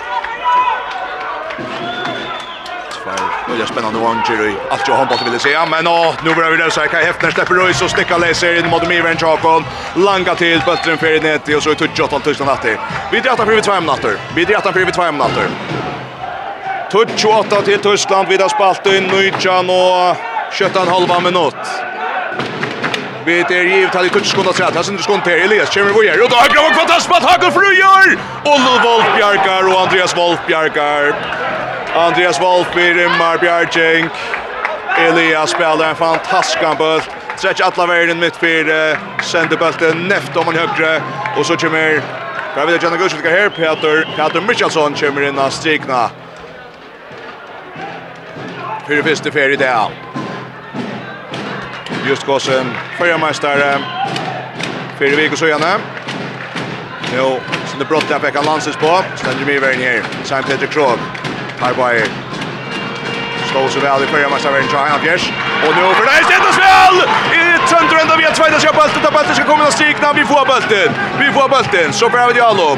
Sönder Mikkelsen lägger fjärde ut mot vänster och vi räcker ett ett tysk knä Där så bulten för ut till Inga Slakon. Nytt avlopp. Elias Schivgat kommer in. Vi skiftar sin rattor eller vad? tjej mot sex, ja. Spär nog konsekvent tjej mot sex, här. Ja, man kan säga att det är en rycker fint. Det har spaltat om till en större chans för jag för. Hade bara det var tulligt irriterande att vi alltså vi tar två all upp i i till alla men som inte får mål och vi skulle ha en dusligt där så måste vi ta oss den här chansen. Förjar jag att Elias möter högt så kan man vinna sig mycket sen för Schalvor. Och inte dömt och Petter ändå vid bollen och skorar Petter Michelsson ändå i Tordon. läckt i vänstre och han stussar bollen fram i benen Andreas Wolf. Ett mål mot Jator 2-0 till Tyskland. Pjatratter, så Pjatratter, helt i sin leikare, og hva hender så? Der skår det opp og svekt ut i vinstra vondje. Et øyligt mal fra Lukas Merstens. Alltså Hago för att ta tackla vondje, han släpper fra korset till oss Ördia. Här pressar hoppeskott av vänstra vondje och för bulten i målet. 11-0 till Tyskland, det var ju mer brottskast som han det om han ikke skårer etter hvert er helt, helt løy mål. Henning mer helt mestlig, du vet ikke. Ja, ja, altså han færdes han ikke oppspring, bestemt nesten av backlinjen og får skru han inn, men vi trodde jo øyne at... Uh... Bare vil det komme Jack Nielsen skårer og gål! Nå spiller Högre Kjartan Hansen och gör Jakob spooks det så fair men sätter bulten fram i Andreas Wolf. Och så är det ett touch touch där vid Aminka ner i Jakob Ammonia dör och Johannes Golla för släpp bulten i nät han är inte skottstöver för lagt han in igen så back on där vi å säga kom gröna kött nu och det på yta bulten här mitten så på yta mal i mitten så 12 touch touch Tyskland 8 mot 13 för hålla 8 minuter efter för hålla jam Det så lagt rätt att löja mål Han ska hålla fänga bulten och tvätta han sin. Så att de rytchen där så är så fram mål. Så för Elias med shot av Wolfbjergar. Elias vi hoppas skott från vänstra backen vi doesn't signa på bulten in vi får nå då nu alena så kör nej där kommer nu och så kvalar plats mitt fyra och Nick Satchel kommer in och Bjergar och så får han skjuta upp. Hitch med Hakon och Pura från Jörn. Och skorar! Ett mål mot Jörn Kölbäck. Nick Satchel kommer in Isak vender bulten. Vi sender skjolden opp fram til Hakon Vestateien, og så rett man Lamon i alt dør. Tjejen holder mot etter av. Tjej og en halv minutter etter av fyrre holder ikke 12-11 til Tyskland. Hetta fra alle. Ja, det er det det bruk for. Vi synes at tyskerne er nok så ytterligere at deres få var frukast. Jeg vet ikke, det hadde vært fint alt. Ja, som jeg satt vel over inne nå i tvei alle opp og fantastisk han langt kommer når Bjergjeng. Det har vi gått i bruk for det til at Bjergjengene har ikke vært så jeg var. Fyra Bjergjengene av tyskerne finner tre, vi da finner tvær. 4-14 til Tyskland, 0-2-13 til Føringbånd. I ett mål av måned, 11 til Tyskland. Vi tar var tjej mot efter ja. Fyra hållaje. Skulle domaren lycka stäcka tøyen här prata. Vi pratar mycket sån akkurat om Kosse. Kosse han ska välja. Han har tror inte hänt några tyskar någon. Det är halvt ja. Det har satt av mest Peter på en av vägen. Ja, ja, Peter häver åt Sudak av sig. Och är inte mer man odlar den in och Ja, jag hade gott att söka just nu. Jag tycker väl det heter ganska just nu att att, att vintage hon visar sig att nu kommer han att line off här. Leider leider shot mål. Ja, vägna Kjell omstöver där så det hade ju flott. Så spelar tyskarna kommer det höger tar missar fot och så släpper han in i mål den Jakob tar ju sagt att vi där på där. Peter Kroger jukt. Han kommer så tajnar för gör. like går till till. Han kommer bästa tajjon Jalla för gör. Han kommer bästa tajjon Jalla för gör. Ända för shot. Där spelar man högra vång på här ligger Luka Serpe. Skärflat i Malta en Jokon. Och vi sätter bollen fram efter. Två fram i till första. Tuskar som att sig fiska. Peter Kroppen där bollen. Centrum uppåt på större chans för till Hakan Statajon. Han är på nästan att han vinner in i mål och skorrar. Och Tyskland teget hem out. 12-12 i mitten för Jerry Tyskland. Och Tyskland, Tyskarna i om att like bra. Höllen. Hetta dom Jakob. Ja, det är så fantastiskt att jag såg att det var det förra färgen som goa början i som man annars ganska är vanta ska ska till för att vi skulle kunna lägga som spela upp i Tyskland. Men vi där spärkliga ett jag innan tyskarna och jag förra har momentum på nu. Det onda i ödlen är att alltså vi vi där ju givet till alla 2 minuter och inte mål på det men vi har fast chem mot sex spel rätta för något och har straffat tuskar när kan förna i Berg Berg första bild och är bild och så ja ja det är fantastiskt och akkurat det som som man hoppar ju på att man tar distribuerar jag tror för över vi Ja ja, ich akka schicke bakst du i färden de 25 minuter dock short, men alltså vad är det vi? Stånd 12 12. 12 12 i mitten för och Tyskland. Tyskarna ner se i timeout mot tar för att skifta att det är välja 6-0 och Thomas vet att välja 6-0 mot och kanske tjej mot 6 spelet till att ja det är som vi ut och runt att till Chile så center på sig fram all någon det kör detta detta stämmer detta gott. Nej Elias har haft goda sömnter som det som man ser och spart öliga väl. Eh är kanske så nervös ska göra tuskarna faktiskt har inte ordla skift ut ut en helt alltså Alltså vi sitter jag sitter gott man kan knorr nu för farsa hash så kan vi han som in också kött men Men han var ju själv effektiv i hindesten, han fejade där i fem år. Men ja, nu så jag kan tuska vinna på. Vi var ju alltså 6-0, nej, alltså kommer sen tre ut där här, så lever på Havens Abache, Elias och en halv där vitske. Så skjuter kanske, åh, bättre styrke fram i Nick Satchwell. Nick Särla bulten, han fyra sinter av det första fett och chassar så ska han fota sig åter och bulten stryker back fram i läggan någon 13-12 Tyskland och jag hoppas att Heppe mål och ett mål chockad Ja, här hade jag bara hotlat se. Här hade ju spötten ska in. Här hade vi som Hanna Bjärching. Eh till till alltid hvis vi skulle få ett gott utslag där så vill det se att att så ska Bjärching till på Sarskott. Förjar jag Bjartur 13 12 till Tyskland Tyskland 8 åter. Kjarstan Johansen högra Batches på 6 mot 6 nu för en gång har kommit så tajt. Han skjuter skott i roll boll Bjarkar.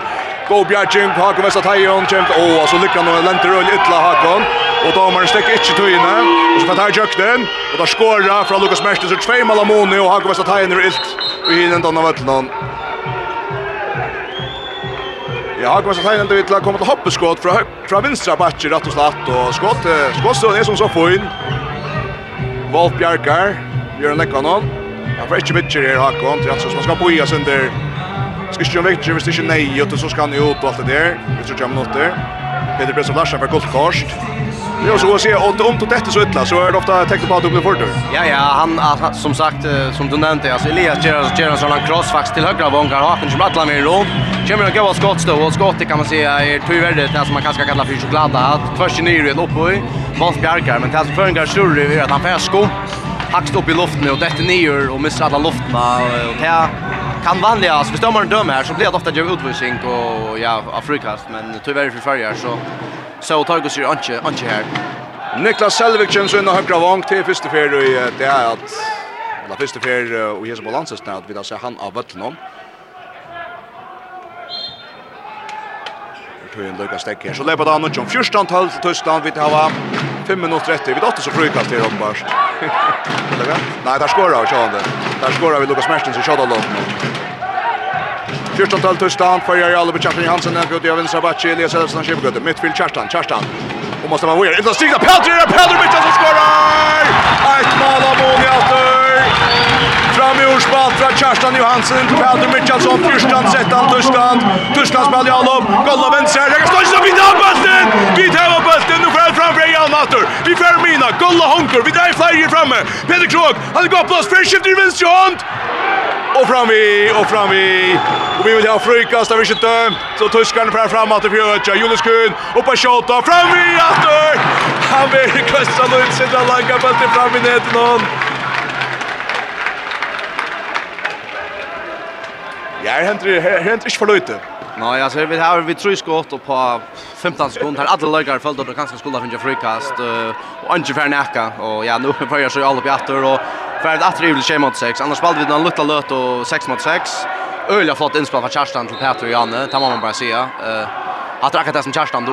Vi Kerstan hever kanskje ikke det er, altså, er ikke sånn ståle tunge skytten, men han hever utrolig godt spillforståelse, og gjør at det er løgner ofte bedre. Så det er første lamer som har spelat mycket.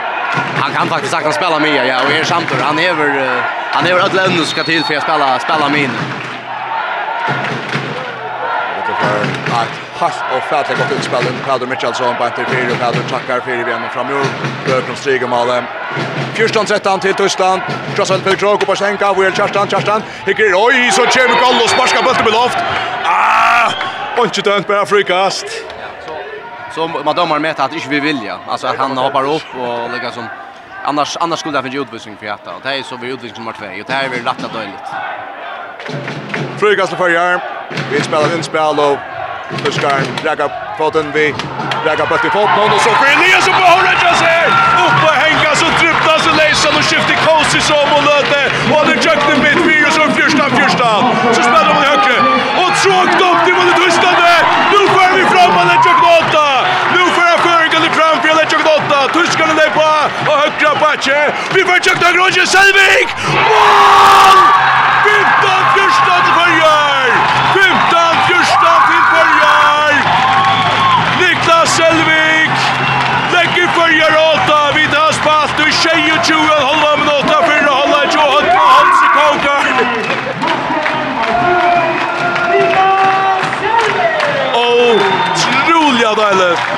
fick en enda bort i Janne. Kerstan ger spelarna bättre. Han spelar millimeter precis i elvering. Fast upp från min i annars. Han får ut av vunchen och Selvig. Ja, fantastisk och uppe långa gör. Vi stäcker all upp under första jätten och så rör det efter. Julius Grym mitt grip. Göra Peter Brandjons och skjuter där och skorar. Janne Grattor. Vitske släpper till ett standande skott. Nägud i vänstre. 15-15, Tyskland jaunar vid att 2 mot 1 för Hollage. 2 minuter 1 för Hollage. Så skal bøtten skiftas, det er nødt for torskast. Løyt stekker her. Løyt og stekker her. Niklas Selvik, han hever som så. Han, han får ikke nekka tog. Tikk sjanse beina igjen. Ja, ja, jeg vet det. Selvik, han lever fyrir sånn her distan rakt i vi. Og, ja, ja, han, han tog chansen. Han, han, inte han, han, inte han, han, han, han, han, Men uh, ja ja, alltså fantastiskt uh, att han tar out här time in. Det där som vi då har bruk för det att att alla spelare uh, alltså tacka till att få chansen. Följer det på att det är mitt fyra till vänster Peter Krog. Han måste bli köken. Han röjnar att släppa sig vidare. Så till Elias. Och fantastiskt mot Rull Kerstan. Oj! Kerstan i Röntberg fröjer. Spelar vann. Det kommer möttes. Får plattat till Elias köken. Elias skorrar till 16-15. 16-15 till Följer. Elias i Kiva. Gött i hoppskottet.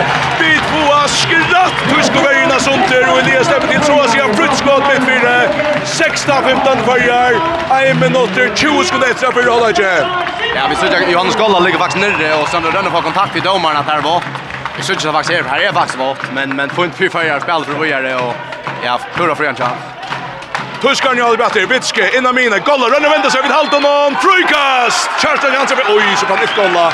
Jag blir nog säkert att detta nere. Oj, Jans golla här ett.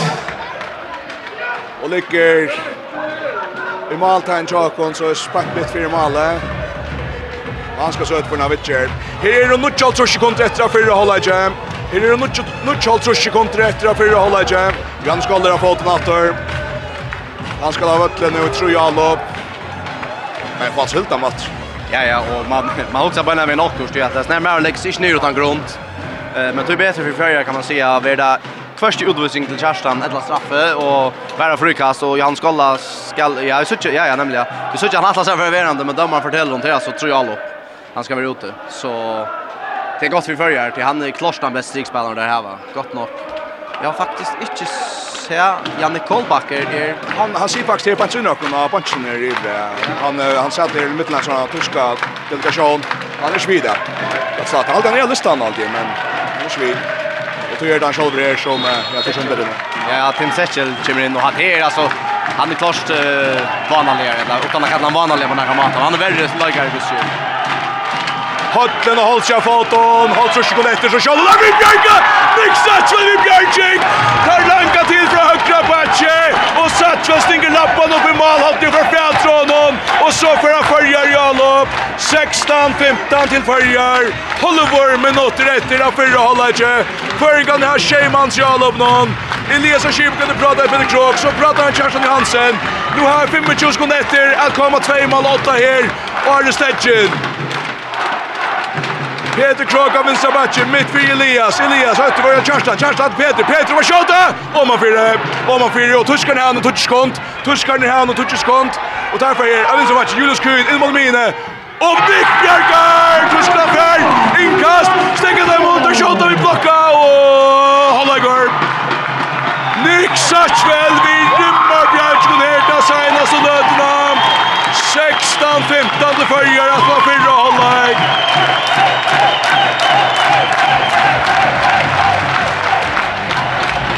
Och Horen och Hyrren, han har inte tagit fel av. Hette är vi gott för. Hette är vi gott för Stavrik. Ja, fantastiskt och tas man måste öliga väl är att följa faktiskt som sagt vid den här dagen inte förna gå början men faktiskt kämpa sig in i disten och lycka som sidra av disten och faktiskt nu tar det hålla går och faktiskt kommer gott också så här att det var kanske slash blev hålla går men när man bara spelade vidare ja Och jag tycker att uh, ja, det faktiskt är väldigt för att de blir hålla går. Jag tycker tyskarna har negativt, vill jag ta som. Så det og ett som kanskje ikke det man lukker latt hese fer nå det kan skåre 15 og skåre 16 i kill. Det finnes ikke som flere bjergskar nå. Ja, ja, så er det akkurat det søgnast nå har satt for noen bjergskar og Og jeg hadde tatt som aller mest tøtningar mitt er det vi da ikke kort Wolf så jeg visste litt gang som vi gjør det i Dysten og Tysklandet så det er alltid er øyla viktig og ja, som sagt Elias har spalt fantastisk i det og det er ganske den største måneden fra i Tyskland her han er ikke ordentlig effekt av Rikka ved sin skåten Här han nästan allt som hon sitter det 16-15 til Førjar. Jeg vet ikke inte vid Noah tror vi i matchen her. Jeg halte det jo. Ok, her, her er Simonsen ute så tackar han på att täcka där. Så Ja. Vi skal bare tenke der vi samvitt igång. Elias Ellefsen Elfsen har gjort seks mål. Håkan Westertajon fyra mål Og så er Kjerstan Johansen, Leivor Mortensen, Trondheim Mikkelsen Kvørsrut mål.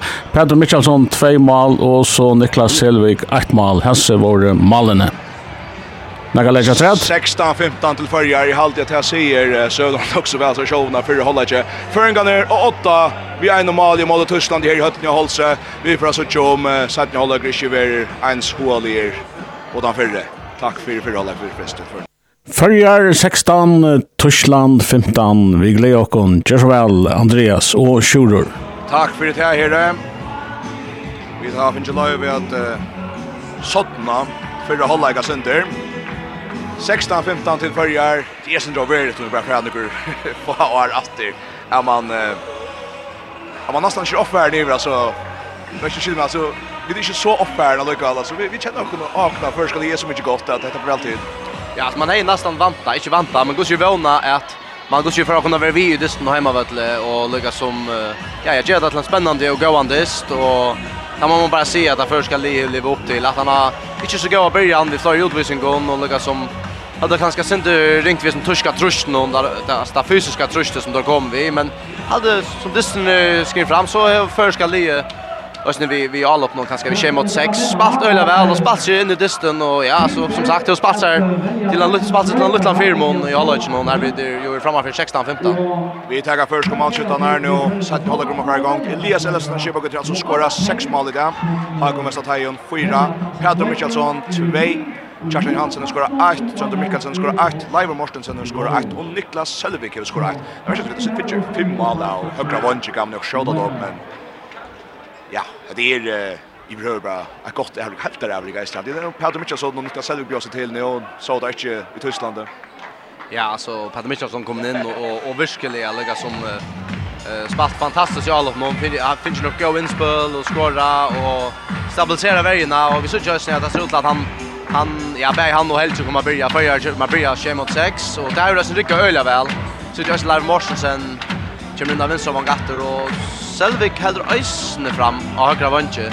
Och det är ju inte gott att Selvik tappar spel vidare men vånande blev Hakon inte ordla skatter där som stöt någon han fick nu i förra lunch. Nej, Hakon ska ta och skora fyra mål men Det är gott att Niklas Selvigstad där han löser han är ute han. Ja, men då hos han blev sin forward han får upp ett ett hoppskott av vänstra backen runt över. Förra börja vi kör mån i alla de män och där kanske inte man vill lösa det att det ska ju vatten för att det. Ja, så det är sån grund till att hålla fram allt det så långt som att att att rycka så väl Det tas ta ta ta hjälpröster för ska det någon fysiskt på att matan att man bjöd sig in så där mega dueller eh och slant som att tuskarna inte har skorat något tempo mål. Det var Lucas han skalla som knuste bollen fram in ja. Här är Paolo nästan välkommen in i mål ja.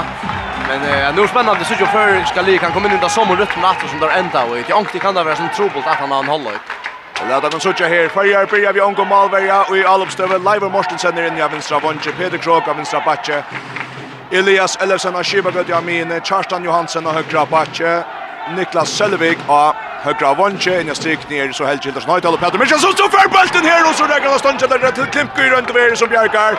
Vida finns en lucka mål i den tyska mål och han är inte petter för där vi och Andreas Wolfberg. Du nådde akkurat grejer med sin från i Hollands någon. Han har största den. Ja, han är till, till nästa större tyska malmanstalentet som det går så om och ja, han spelar i Wetzlar och ja, han gör det med landa Löwe eller Surs för Magdeburg korsjan här Magdeburg Monte, Monte snaven mot Wetzlar men ut alltså vi sitter hittar efter profilen så är han ju nästan lika som Andreas Wolf. Han är ju med 85 så är en stor med. Kanske inte lika bra ju än men han är som sagt 40 år så det kan komma. Är det bara tyskarna nu? Kai Hefner från högra backen. Följer 8, 16, 15 vi börjar och sätta hålla i. Här var missnöjt en goa målare här för visst Så det är på den här högra Ska Vetskar på Kjölland. Dick Bjergar! Och tar för Torren och där skorar. Lukas Serpia högra vånche fänkar returen i högra vånche och så är 16-16. Alltså nu spelar jag bara men nu vet jag inte riktigt så mycket att hålla går men oj han skalla långt släppa in efter. Ja, vill det outjer sig att Oskar inte chans. Nu kan man det ganska några shot all upp till Sainas så vi bränner tar fram framme en affär helt så ista och kommer inte att skåra men ja. Ja, nå. Det är ett. Han är nere till Johan Skalla. Följer i alla bjatter. Janna Gratter 16. 16 följer det bara vid det han vill tackla och lägga upp i vattnet och så letar han sig lyckas tackla sig ner. Nej.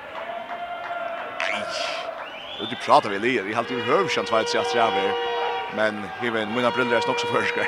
Ja, men alltså jag hade försvunnit han bläkas. Jag hade bara lyckats han han blunda att smudga sig undan och så det han lyckas spekla ner. Jag hade inte att det var det där Sean Logan här man lyckas som blunda visa man blev tacklad och lägg sig. Det är alldeles lätt. Färjan slår avtalet för så domar någon men så spelar han på natten Elias in i målet så Kerstan Kerstan skjuter jakten han skruvar bollen om målmannen och så är för gör åt åter Sejan 16 till Färjar Kerstan Johansson skruvar bollen om till Klimke och i tyska målnon Färjar i alla bjattor Inna sikna, tar på fjärde bulten. Nick Bjerger! Nej, bulten stöcker i mål i korsene.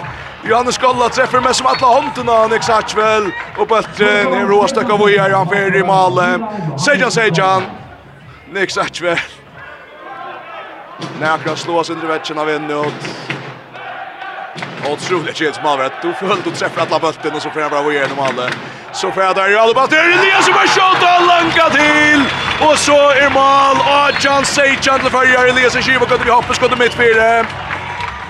Tuskar ni aldrig brattir. Bitske upp och skjuta. Och ett rymmarskott. Släpper fram i Mivern och Chakon ut mot i högre och så är Hajan Hajan. Och föringarna för att kötta mina.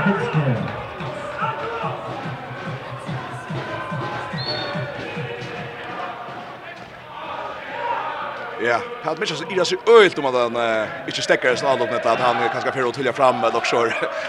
Han han känner för snokar. Ja, och att det är så förnämt. Alltså, det är Luka Vitske som kommer av min och faktiskt bara glöjer av på tacklingarna och kommer, ja, ja, kommer, kommer till att få en skott och att, att förnämt. Føringan i alla bjatter, Achan, Achan, Peter Krog, han ratte, Alla världens blås, och han blir i köklen och så skorar han! Nujan Achan gjørs pura fryr ut i för for bøltet Elias, Och så är mål. Nujan Achan førjar. Tursland i Alope. Kai efter. In i måte, fer, og Nej, utvisning, Peter Mitchelsson för upp och tacklar Kai Hefner och jag träffar han upp bara till Annet. jag sa det inte men alltså det är alltid snägg i om tas så som hon kommer. Jo jo man kan säga Peter gör det helt snäck för Lucas som att han är inte rakt han han han räknar han i hötte och för bena vin ta ta Kai efter lägger sig och och syr med skylta och hade är ja jag hade en kloss och utvisning tyvärr alltså hade så som som vi helst inte må komma ut och i såna här som du buttar utvisningar eh här vi bara kan men så tar i hötte Och att den som inte längt ut, jag kan efter det är farlig här helt. Så att det hade jag hade väl ohöppen. Följer och åtta. Nuichan Achan vill ha spalt i fyra minuter sett när håller inte Tyskland i allfall. Skjuter vänster back rymmar upp i skottas. Där skjuter rätta brett ut i backen och för att läkt upp och Henka och så kommer en bulter med restan i målhotten in med igen. Det är Luka Vitskats som skårar här. Så sen Karlsson Ja, nej, Julius Kuhn. Ja, det var Julius Kuhn. Blått fra høyre, vinstra bakke. Faktisk, la oss han identisk vi har skått nok så tulja og i fyrre halvleg gjør han. Blått fra vinstra bakke, smekka bøtten opp i langra hjørn. Tuskarne pressen ut og Jakon og vi spelar bäst vi sex man i all upp någon vi har en utvisning Nujan Nujan med den förra Tyskland, Elias Shibaka upp göra rullar ut och så läser och så blir Bruxla på ettan och släpper alla in jöknen och han ser så Elias gör fyra fet och tror att han inte släpper jöknen och Elias blir faktiskt inte säker så rör han alltid. Elias och Schäfer går igång till en go on this the first lance of session entire Charlton Jansson nice but new högt sönder mycket som Lars med fyra. Elias och Schäfer där med fyra sönder tack jag högt. Alltså frysen lägger och det går stund ut. Sönder mycket sen brut alla vem jag tycker varje namn är som är så 19 gång och så räcker han stund nu ut. Tuskarna får bollen åter och nu kom Tarlet just 8 till första för länka tog. Nujjan, Nujjan i mitten följer och Tyskland Förjar i undertal i fjärde skånt att säga att Tyskarna löpa Kai Hefner utan vem som back in och strikna. Dröjer väl färre och tar skora. 20 nu i Tyskland, Tyskland 8 åter. Ser väl spalt in till strikspelaren Chat Herman och han skorar åter. Setchel. Följer aldrig åter. Kjartan Johansen. Högra backen läckra innan till John Mikkelsen. Julian Köster kom in och spelade för matchvärje. Så främst då, det Eisen i Tyskland i vid. 20 nu till Tyskland. Börjar i Alupi, det är så kivgar i Tromsö till Lai Morsen. Så de spelar kött ut och högre. Innan stryk ner i Helge, han är nästan hos Jökben. Och vinner en utvisning. Han är hovast över på och så är det Simon Ernst som är först att hala ett också över det. Första strykspelaren. Det blir frukast för Jarm men nu är vi en flyer av ötlen i två minuter.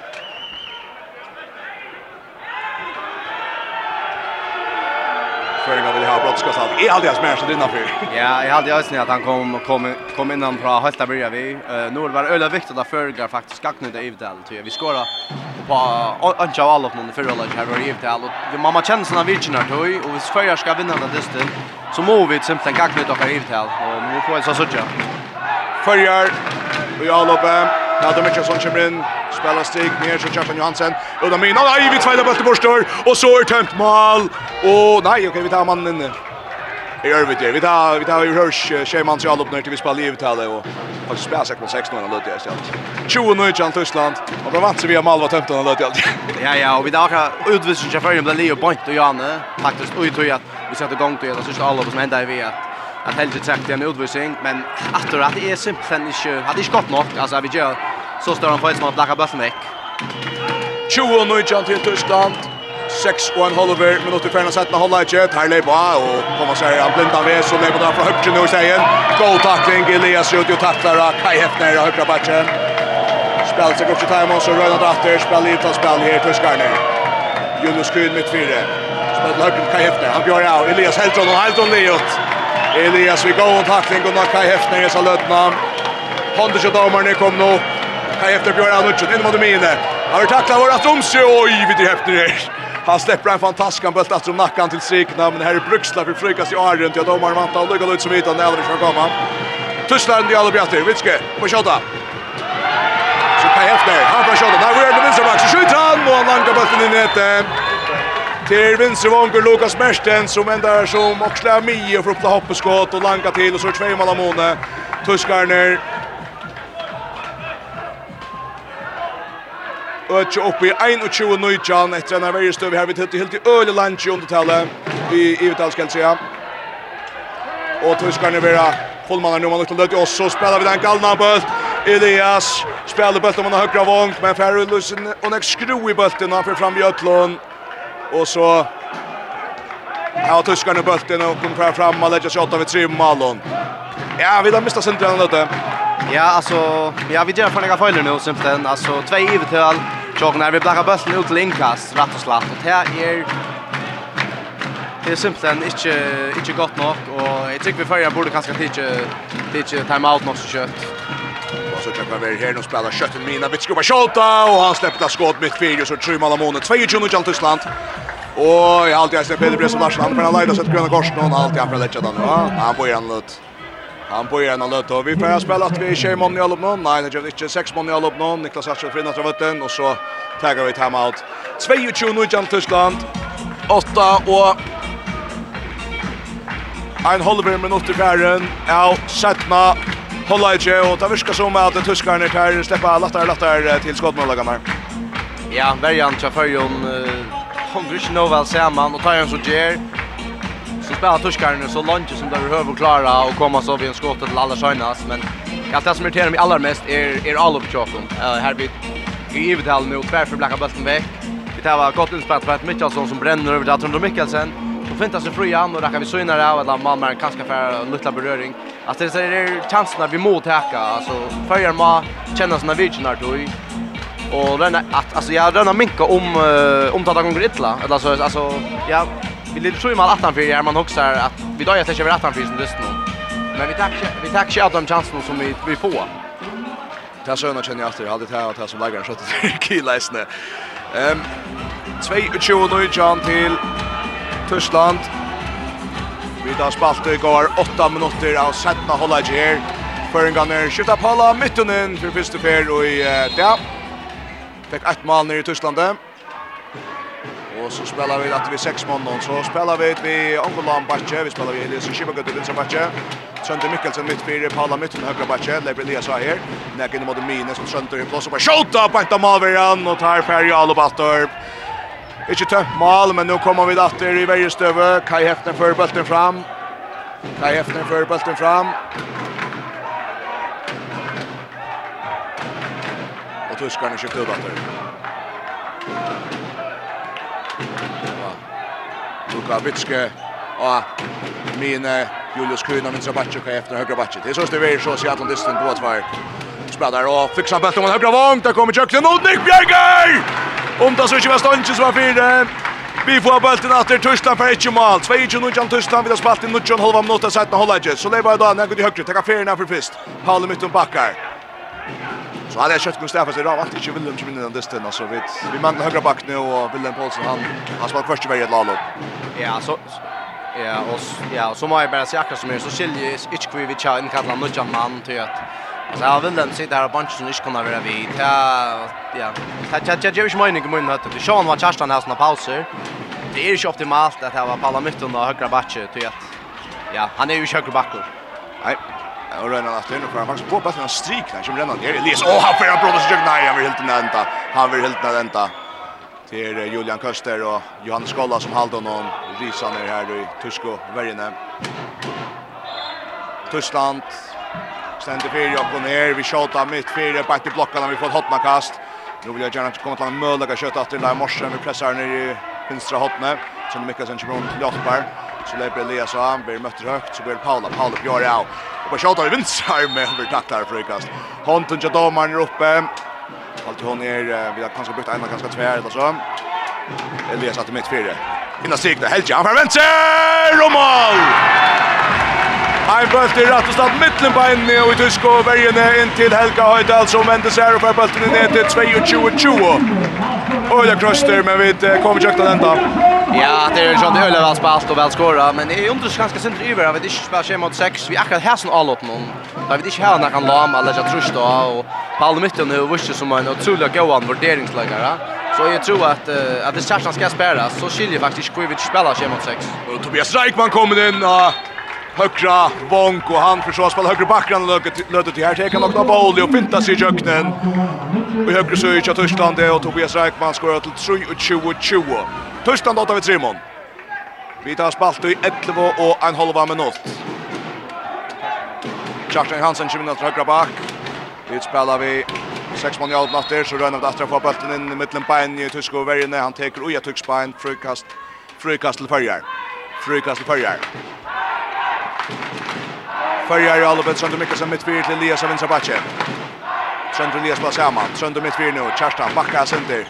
Randan som Lucien. Elias släpper in. Sönder på skjuta! Och man fyra.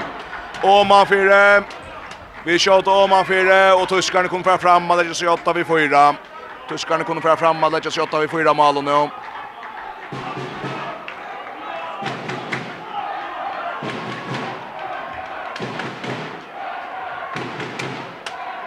23-20 til Tyskland, Tyskland i Alobem.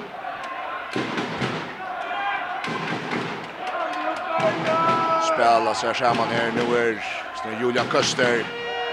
Kom inn av bakken her, Tobias Reitman kommer rundt av høyre, Vondjo, og Sjøla Paul Bjerger! Han prater under Sjøla Maxgård, Paul Jaksen Bjerger! Førjer få bølten, førjer få bølten! Elias og Kivagødde dribbler fram etter målet, tyske verden, slipper han kant kanter, og frykast släpper han bort i händerna av Tobias Raikman som sedan kom in. Jag vet inte om det har mest jag sagt namn som höll ofta till fältet. Han är färdig två skott och om att fänga fänga boll till det så helt runt even där kan du om att det ska vara frukast. Elias ska ha en paus nu och så kör Paul i mitten in. Han har spruckit en paus nu. Elias han är för tre otroliga neckvis nallop. Ja, ja, det er alltid förnuftigt att göra någon liten paus. Och Paul är inne i Janne och tar Jackson så fort. Han spelar en högre backor och nu kör man sådana mina som är hans här naturliga plås kan man säga. Ja, det är spännande att se Paul på mitten för chansen. Han är inte den högsta av laglåten i Tyskland. Ja, det är utav vänster backer Trönter, Trönter fyra där. Så lever han ut. Nej, så kommer där mittlen. Nå, Trönter ändå vet tvätta sig bollen. Nej, det gör inte. Kastar ändå någon och så är där framme och så tar upp mål och så är Fyra mål av Malamone, fyra 20-20 till Tyskland. Det gånger i alla den tjakon. Vi spelar med den Mio och Back och tyskarna kommer mittlen och slår bulten Leisan och Lentan och Hoast. Det är också ävigt. Vår Roma pengarna bulten efter. Fyra 20-20 Tyskland och man ser här nu. Gångna, det kan väl minne bättre än det gör det innan Lutte. Ja, ja, det är det som vi tar som i Shemon 6-spelen. Att det tar följande man inte må göra. Och det här var vi Vi är öliga gjort det inte just, men i på perioden nu jag kom här, det gånger allt illa, ja, här gånger allt illa kan man säga. Jag behöver dig som gör såna fejler och tar däcka fram med en åttare. Julian Köster som är en länkar här, han är ett par meter över och ja ja, han är ju länkar armar och ta ta ta så lätt att avska för ska läsa inte. Förjar i aldrig att det kommer att i fyra mål och nu var det åtta när goa löd just just någon. Ända nu. Fyrre hålla i tjå, början har sett med hålla i tjå nu. Tyskarna finns ju väl om ända natter och ökt upp i fyra malamone. Färjar Jalube. Sönder Mikkelsen blir över, tacklar vår och vi helt nog så väl nira Galube för att frikast och smart hem. Lägga toppskjutan här kött, Elias Ellersen har tjuvat över, skorra tjejmal. Hade ärsta tajma brottskast, har kommit tajm fyra mal, har kunnat komma in efter Kommer där Spartelja. Halter Mitchellson har skorat två mål. Kjartan Johansen två mål. Trøndur Mikkelsen ett mål, Leivor Mortensen ett mål, Niklas Selvig ett mål, Helge Høydal ett mål og Peter Krog ett mål. Føringan er alle bjatter. Trøndur Mikkelsen mitt fire, Paule Mytton, Nekut i høyre, inn mitt fire nå. Trøndur på Sjåta, hvor er Paula? Paula Bojar. Fra Sjåta, Paula! Mamma Bjørgar, mamma Bjørgar. Til Klimpke fengar, Bølten. Kjemra sort, mest som er standande skått. Bant høyre med i mina. Och Tyskland kom fram, man lägger sig 8-5.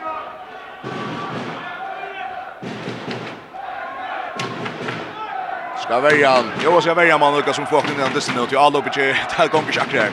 Ja, och man kan se det Helskin så väl väl nu. alltså tar ska nog mål var första minuter och det är jävla toucho och det är Kepanek. Ja, nu för Julian Kuster Kuster uppe att skjuta mittfältet. Paul Jetsson och han träffar passa bollen men Bøtter stöcker mål i korset. Så fem mål av månen, 25-20 till Tyskland i mode förrjön. jag att eh, Føringarna skulle få ta sig här. Paul i mitten skipa spelet till vänstra är Sen Mikkelsen, han bjør over. Rønne Lutas leiser skjøytran. Oi, oi, oi, så bjerger til Klimke. Oi, så latt jeg sted. Så kastar han bare fram etter Leibrer. Han styrer, styrer leisen. Tobias Rekman, det blir en korsnes fra Jøkten. Og Paul bjerger, og ikke døgt. Paul enda i bjergjenste. Tobias Rekman. Leibrer får også vekta stekken noen. Og jeg vet ikke hva sier da, men jeg kallar noen så røyner det jo faktisk at jeg og i bjøttene Tobias Rekman. Men her er det så ikke dømt. Han släpper ett fruktskott åter. Han är så alltid för att ta sig sänsla med allt nu alltid. Och det här kyler man väl. Häftiga sätter vi och här och nu skulle ni alltid igen. Ja, jag tycker jag är faktiskt Merton John Mickelson gott kunde finna en paus och han häver strust rattlarna knop. Det så som minuterna är och ja, han har också brukt för paus. Det han har också spalt ölarna och hör en större lögd där första linjen och ja, är ja, är kanske pröva pröva spalt vi Palamutton och Elias Samman möjliga tjej mot sex. Man såg att för ska det atlas här, men man kan säga att det går ju sista skott i börsen vill jag säga. Hvis vi inte kommer igång nu, vi har skorat några mål och lika som vi där bara skora fyra mål och gör en hållage och det är på ja, helt när första första femta minuter lägga det är det är det var lite och det tar sista snabbt från mål halvna. Vi har vi har tappat vi tappat 24 och i gör en Örnhållage. Det är det man inte rätt till oss när stöden. Det som irriterar mig mest av Uppland, det är det här som vi har haft effektast om, det är att nu kommer det inte möda kan långs. Det har gjort vi, det har gjort alla tiden här till. Ja, akkurat. Alltså, vi, vi tar så sen du Janne med känner såna vitsen här tog. Därför är hej chansen här. Och spalt så väl Jack någon och i uttalen så där. Ta ta tacka inte av och knappt jag var som han han outrigg legend sett så ganska i hade och skapa föringar. Annars så gör vi det förra spelet mot 6 och vi så gör live Morsen fair för behandling i bra bunchen där. Han gav sig 100% för förra. Han blackade sig ett bulten ner och ja, han finner någon liten liten snott. Ett nästan räkna stäcka till alla då nästa. Faktiskt som ett sikt tog smal bra VM. Förra som skrätsson att han hur fem mål och nu och det bara Elias in att Peter Krokren i mini oss som missar bulten Honton Elias dribblar för att bulten missar och så är det mål Paul där in men här kommer där fri korsne till Marcel Schiller som uh, Nu är sne skorar upp de spel. Han kommer in av vänstra vång till Tyskar någon. Och han är såkon. Öle Harster 26-20. Är att satt ett en rymmar misstag. Ja ja, Elias ger ja, han missar vax bollen men han kanske tar han åter så gör han gör han två typ. Och åter det är sån faller match man gör schemat 6 till över refsar på innan väg. För Alberter skakbult och nej nu missar han åter bollen. Så kör han sent han till och han får också väckt i knä och han kunde Och så att att tyskarna just i åtta vid Shemalon. Vi stoppar jag om den löt i Hötni Holse. Där första löten har sen att hålla i Föringarna. Bara med till lasten han löt. Nu har vi ett av Oliver Finche. Tysk maskina. Och nytta tysk maskina. Juri Knorr kommer in och det är inte mer spela gå men av helt. Jag har skift faktiskt allt ut tyskarna. De har sig kommer runt att ta in högra backe så det är högra backen bänke. Och så vinner backe, Juri Knorr, Lebra, inna sikna, och vi fänger han! Vi fänger bulten! Elias, hickar mot det högra vänster, Hakon, han är det, han ska bjöa av, Hata sig alla vänster, han blir fänger frikast. Välvung hemma, tyskar må jag bara säga. Men här är det Snär Juri Knorr som att säga gärna hick borster fint inna sikna, men åkara män är det första så jag bulten. Så kommer vi till Jallo, släpper kjörla till näga för först och Tvärmen för den här färden av bulten. Göteborg får stäcka där mot nu. Men minns att hötten träffar det. Så att säga. Så lever det att och det högra var en kopp att det sitter inte väl på kors att korsne. Alvin har sin checkar sig skolan. Hon ligger få fyra bäst att det. Elias Kibegud mitt fyra. Bryter man högre. Will Charlton. Charlton för Jagden. Mål. Charlton Johansson minkar målet till 6-21. 6-21 till Tyskland. Vi där var 12 och en halv minut efter att spela. Charlton Johansson. Så kommer oss inte Ferra och vi stoppar till en fria chans att vi gäller Leo. Jag hade väl spalt till Boja efter att en backer kommer fyra åtta så jag vi har en screening. Och alltså bulten för så akkurat normalt. Alltså mamman är rätt att vi har och här så kör vi ett rymmarskap av Julian Köster och ganska akkurat kvitt till oss ölen kom han i Tyskland som som tar nästa stora stötskott jag tar. Han är men 21 år gammal, 21 år gammal. Spelar vi gummersback i näst bästa tyska dölten men tar lite tar tar är långt och riktigt upp i bästa dölten och är annars att öjla störst liv i Tyskland och domarsback. Och hade är en av mer till framtiden i Tyskland. Ja, där det någon som känner kraften med EM Sörja. Hur ska känna vart det här? Spelare. Jag ser som en sån kreativ än hinner, vill jag säga. Her er Shea Chuan Cho til Tyskland for Jerry Oliver Peter Krog. Kjemmer Lysner kant, men slipper ikke at han ved en korsene. Frykast til Førjar, frykast til Førjar. Julian Koster, på Bent Arne, til Shea Chuan Cho Tyskland igjen. Rymmer Rymmarskottet så spiller vel, høyre og Hagen i Kjøkken! og Klimke Bjerkar, og vi får ikke få fædrar i torn, og så får Sver hentra bulten, og i tvei må føre på at hentra bulten, men bulten støkker til Tyskaren i korsene. Til Helge Høyta, som tveit seg til Leisa bulten, og får ikke krøkt han til Sunni Steiner og Tyskaren som enda vid, og for at Harry Alo, Juri Knar mitt fire, Bojar, Bakkar, og Tyskaren tar det rollet. Tar kjenner seg for kamera alt i ebein. 21 til Tyskland, 11 minuter och 15 sekund efter av HM mot Kamisen kör ju ner och nu häfter mån, och tar räka Stånds nu ut. Men här ständer högre vanker Tobias Reikman och lofta bulten hon, tar skjuta mitt fyra. Träffar Stånds där bulten stöcker av. Bulten stöcker på Stånds stunch ut och här ständer Tobias Reikman pura fröjer loftar bulten. Jonas Gunnarsson Djurus för att få sina första minuter i dag. 28-21 Tyskland, Shea Mal Amone. Føringen i Jalve. Elias med fyra här. Rodamina. Så högra back, Kjærstan. Inna strikna. Och Kjærstan röjner när gick bort i finter. Men kommer inte att han är fram. Vi får bästa till frikast. Sofia Bajen också. Sofia Bajen också. Ska torska ta golv någon.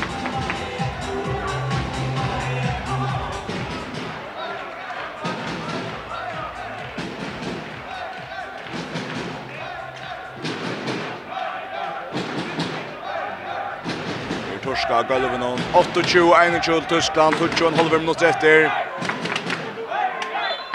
Enda veldig vel nere i Tyskland, det fikk pynta fitt muslete.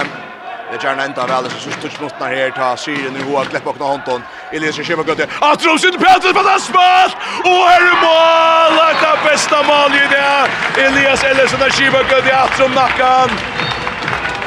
Snära bulten som nackar där sätter Petter. Han är nekvar på ett tredje och så loppar han bulten om och fyrt till Klipke i Malmö. 8-22 till Tyskland.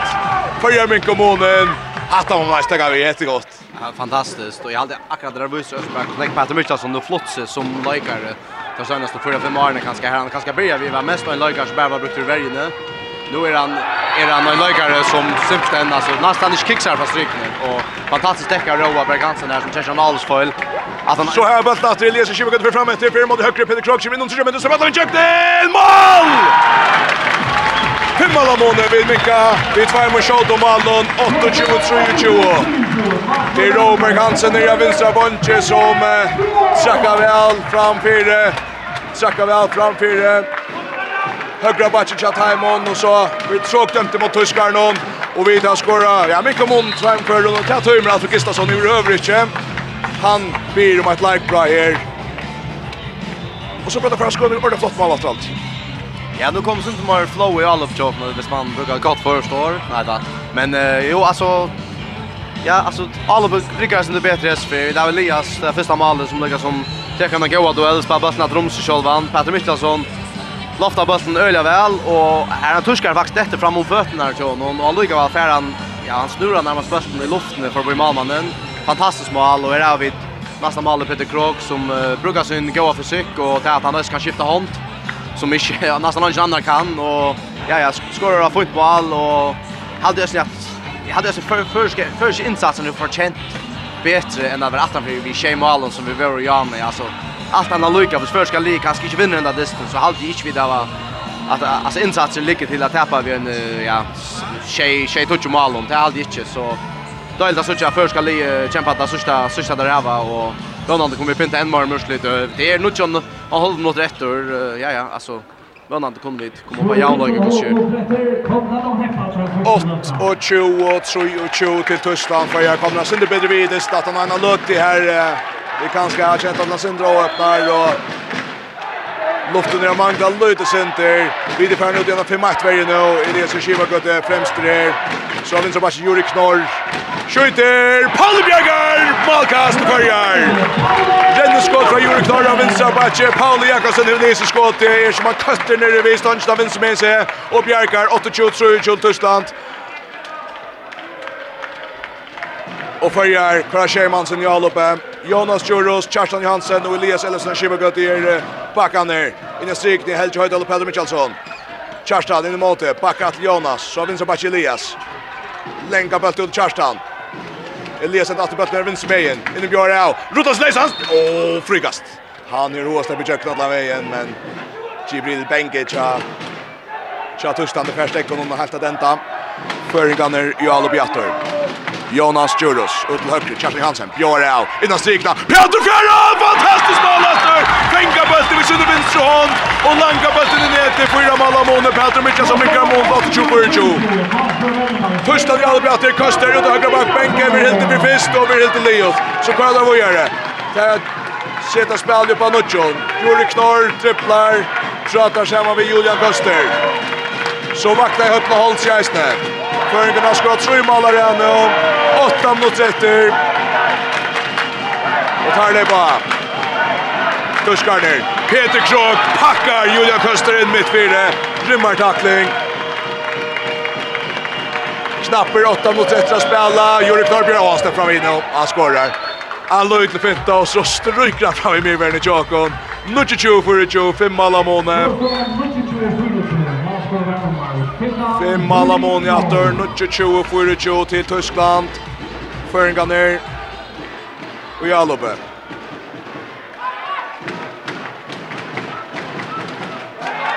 Elias Skivegødde. Og Jalanji, finner han Kjerstan, ut av Akra, Vonk, han treffer av Bay, men der standa fast av foten hans der. Det skjer at flyta ikkje bølt, nei, flyta ikkje foten så mykje at det skal være utvisning, det er ikke minst vilja spennende, vi spennende bølt der, Nere vi vil jeg Elias är sjukt även så backe, innan min är Jonas. Så Kerstan, höger med Han backas inte. Så kvar att Elias. Att Jonas. Och så var den tråkiga sikt. Och det är helt som en just en falskning här. Och så... Ett annat luktade löt i här vid att Johan att ordet fäktas. Tror shot först mål så kom tyskar att fram fram och dödja. Och så skjuter där Paul Truxen för första fjärde där. Sier seg senter. Ja, det är kanske en läggare som jag vet inte ordentligt. Alltså, han kom in i tyska landstid som öliga omgår med det fantastiska störa sötningsgåten. Men han är om man mist sin, sin löjklot nog snäcka tyska landstid. Han, han blev efter inkallad i uh, läsa samlingarna. Så jag vet inte ordentligt. Annars spelar han Fyxer Berlin som är att han är bäst linan. Nu spelar väl, spelar först i högre så Amina och så innan strikna och här touchar där sig fram om Makon och så är det 3 till 4 Sex mål av Moni att 3 till 4 Tyskland. Färjar Albi, Elias Kibagöde. Björn Sundre över tackla vår frikast. Frikast till Färjar. Vi skiftar ut efter spelar vi Shimon i allop nu.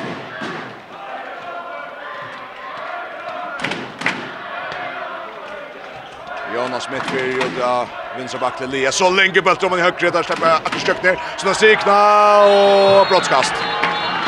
Kjarstan Johansen finner Helga Høydala strikna, touch øylet, enda vaks vi er litt av gulven da han skjøter, og Här är brottskast.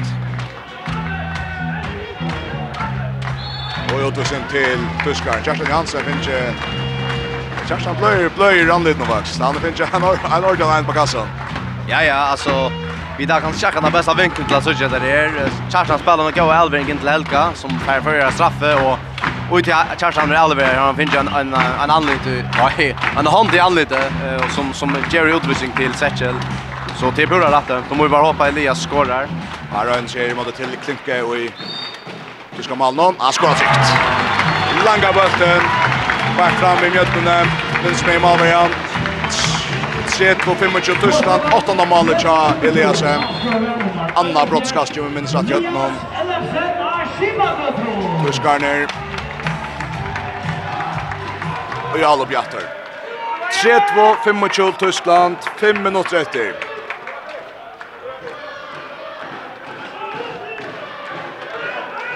5 minutter etter HM ha en HM undan kappingsene til HM 2023. Tyskland i alle bøknar, kommer med lenk og feten, hva da man vinner, man skal skilder i kjøkne, han skårer. 1-3-2-25 Tyskland.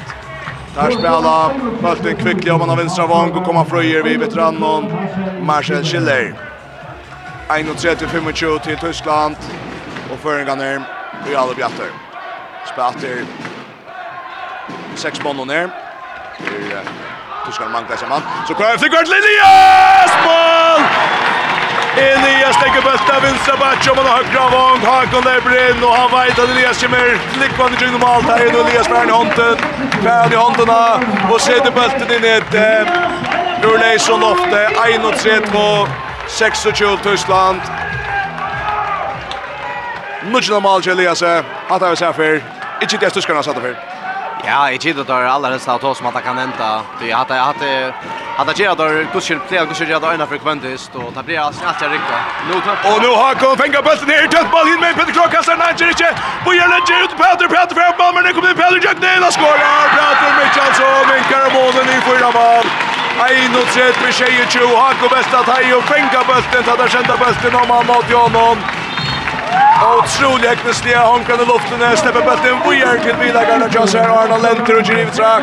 Och så spelar ju bulten. Nian efter. Och kör tröttballen och dött. Men enda vi har sett bulten Peter som enda vi är nu. Han har spaltan fram i Ortiz till Jalopton. Och skorar sig 15 mål i dag. 31 vi tjejer till Tyskland. Tyskland i Albe. Marcel Schiller. Spukskinn vinstre. Pauli Bjergar, Pauli Bjergar fra vinstra vondje, så fær fram at vi har minka. Så fær fram at minka nytt rymmal om hon. Elise Kivekund, ut mot høyre, Peter Krake i bulten. Boja, bakkar næka. Så skiftar vi ut datter.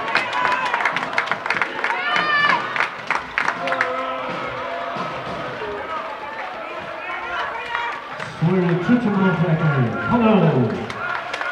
Trutcher minutter efter, följer att vi får göra mål men vi pent på gott gått där och att nu och nu träda kan man i bult i bortstratter.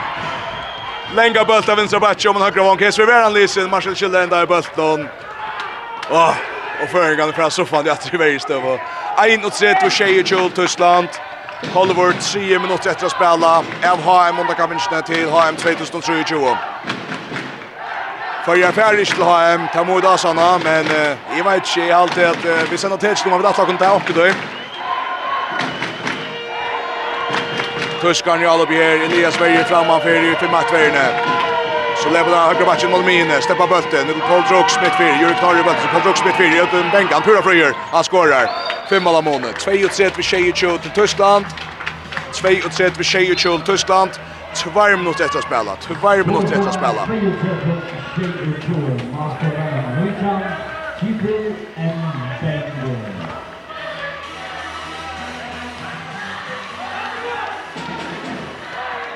Føyjar i alle bjatter, Jonas Djurus den nästan nattra, minus kipa spel i her.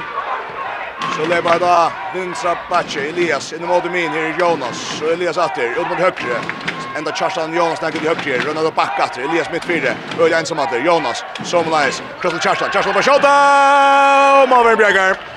Malver Bjergar. 2 och 3 var tjej och tjej till Tyskland och Tyskland för fram för att det är Pintom Sutters till Dysne. Fem mål Mone. 2 och 3 var tjej och tjej till Tyskland. Vi tar gå om mot att spela.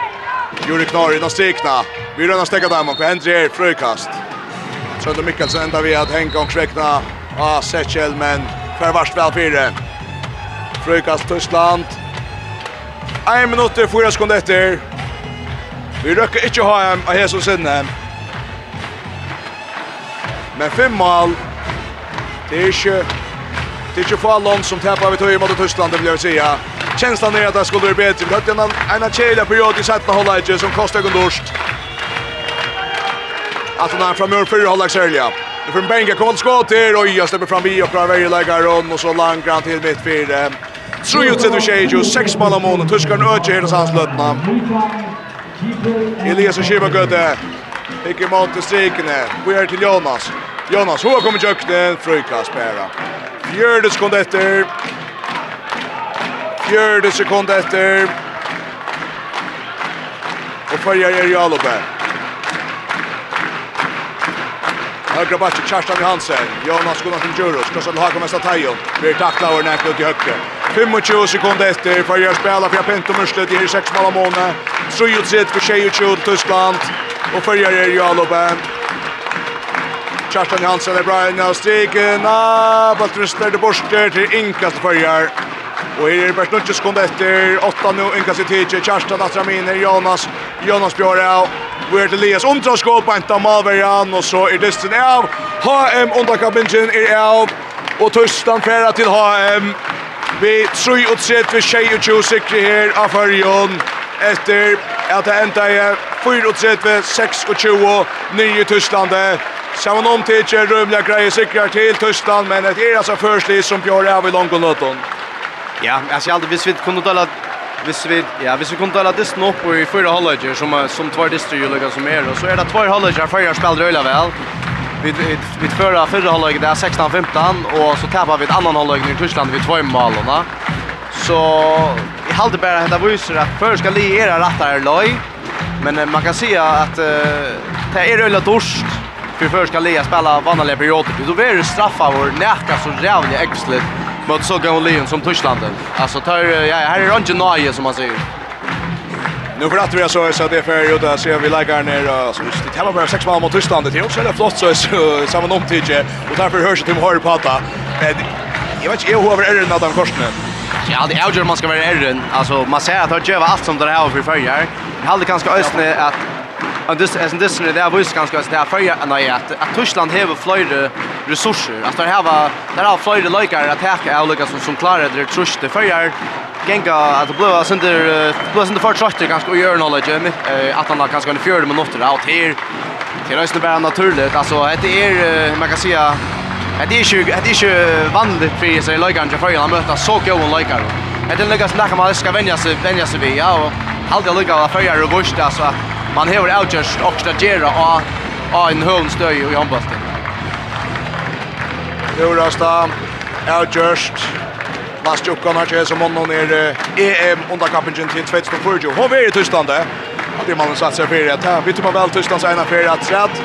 Tar emot stöd in Estor, Rujce, Rumänia och Uksa Ina och om man säga det är som ganska med att se ut runt i Hesson. Men det kommer längt. Ja, man man säga alltså helt öliga längt och aldrig ösni att uh, här är det även den näkva bitcha vi är på. Man är väl som näk Det av över där likar som är yngre som som kommer upp och jag aldrig ösni bara jag hotar fram mig en man som det är som verkligen kommer in och visar att ja, han han har ju över vi här. Alltså han ja han var intresserad att skora fem mål. Ja, 5 och 6 och ja ja spelar en brantist och Ja ja, alltså att det är en god insats och det här visst ganska öst att att att att han förska bröta ner år och legalt allt en mål som klass så väl. Inte inte vill ut i en halta börja vi. Alltså där vill så spela Cup Engineer öle hör. Akkurat. 3 och 7 vi tjej till Tyskland ända där. Tyskland för HM. Vi räcker det chans för vi från EM under Cup Engineer. Och i nästan och för fiskar jag tackar till Andreas att du säger vi från vi har kon här i dag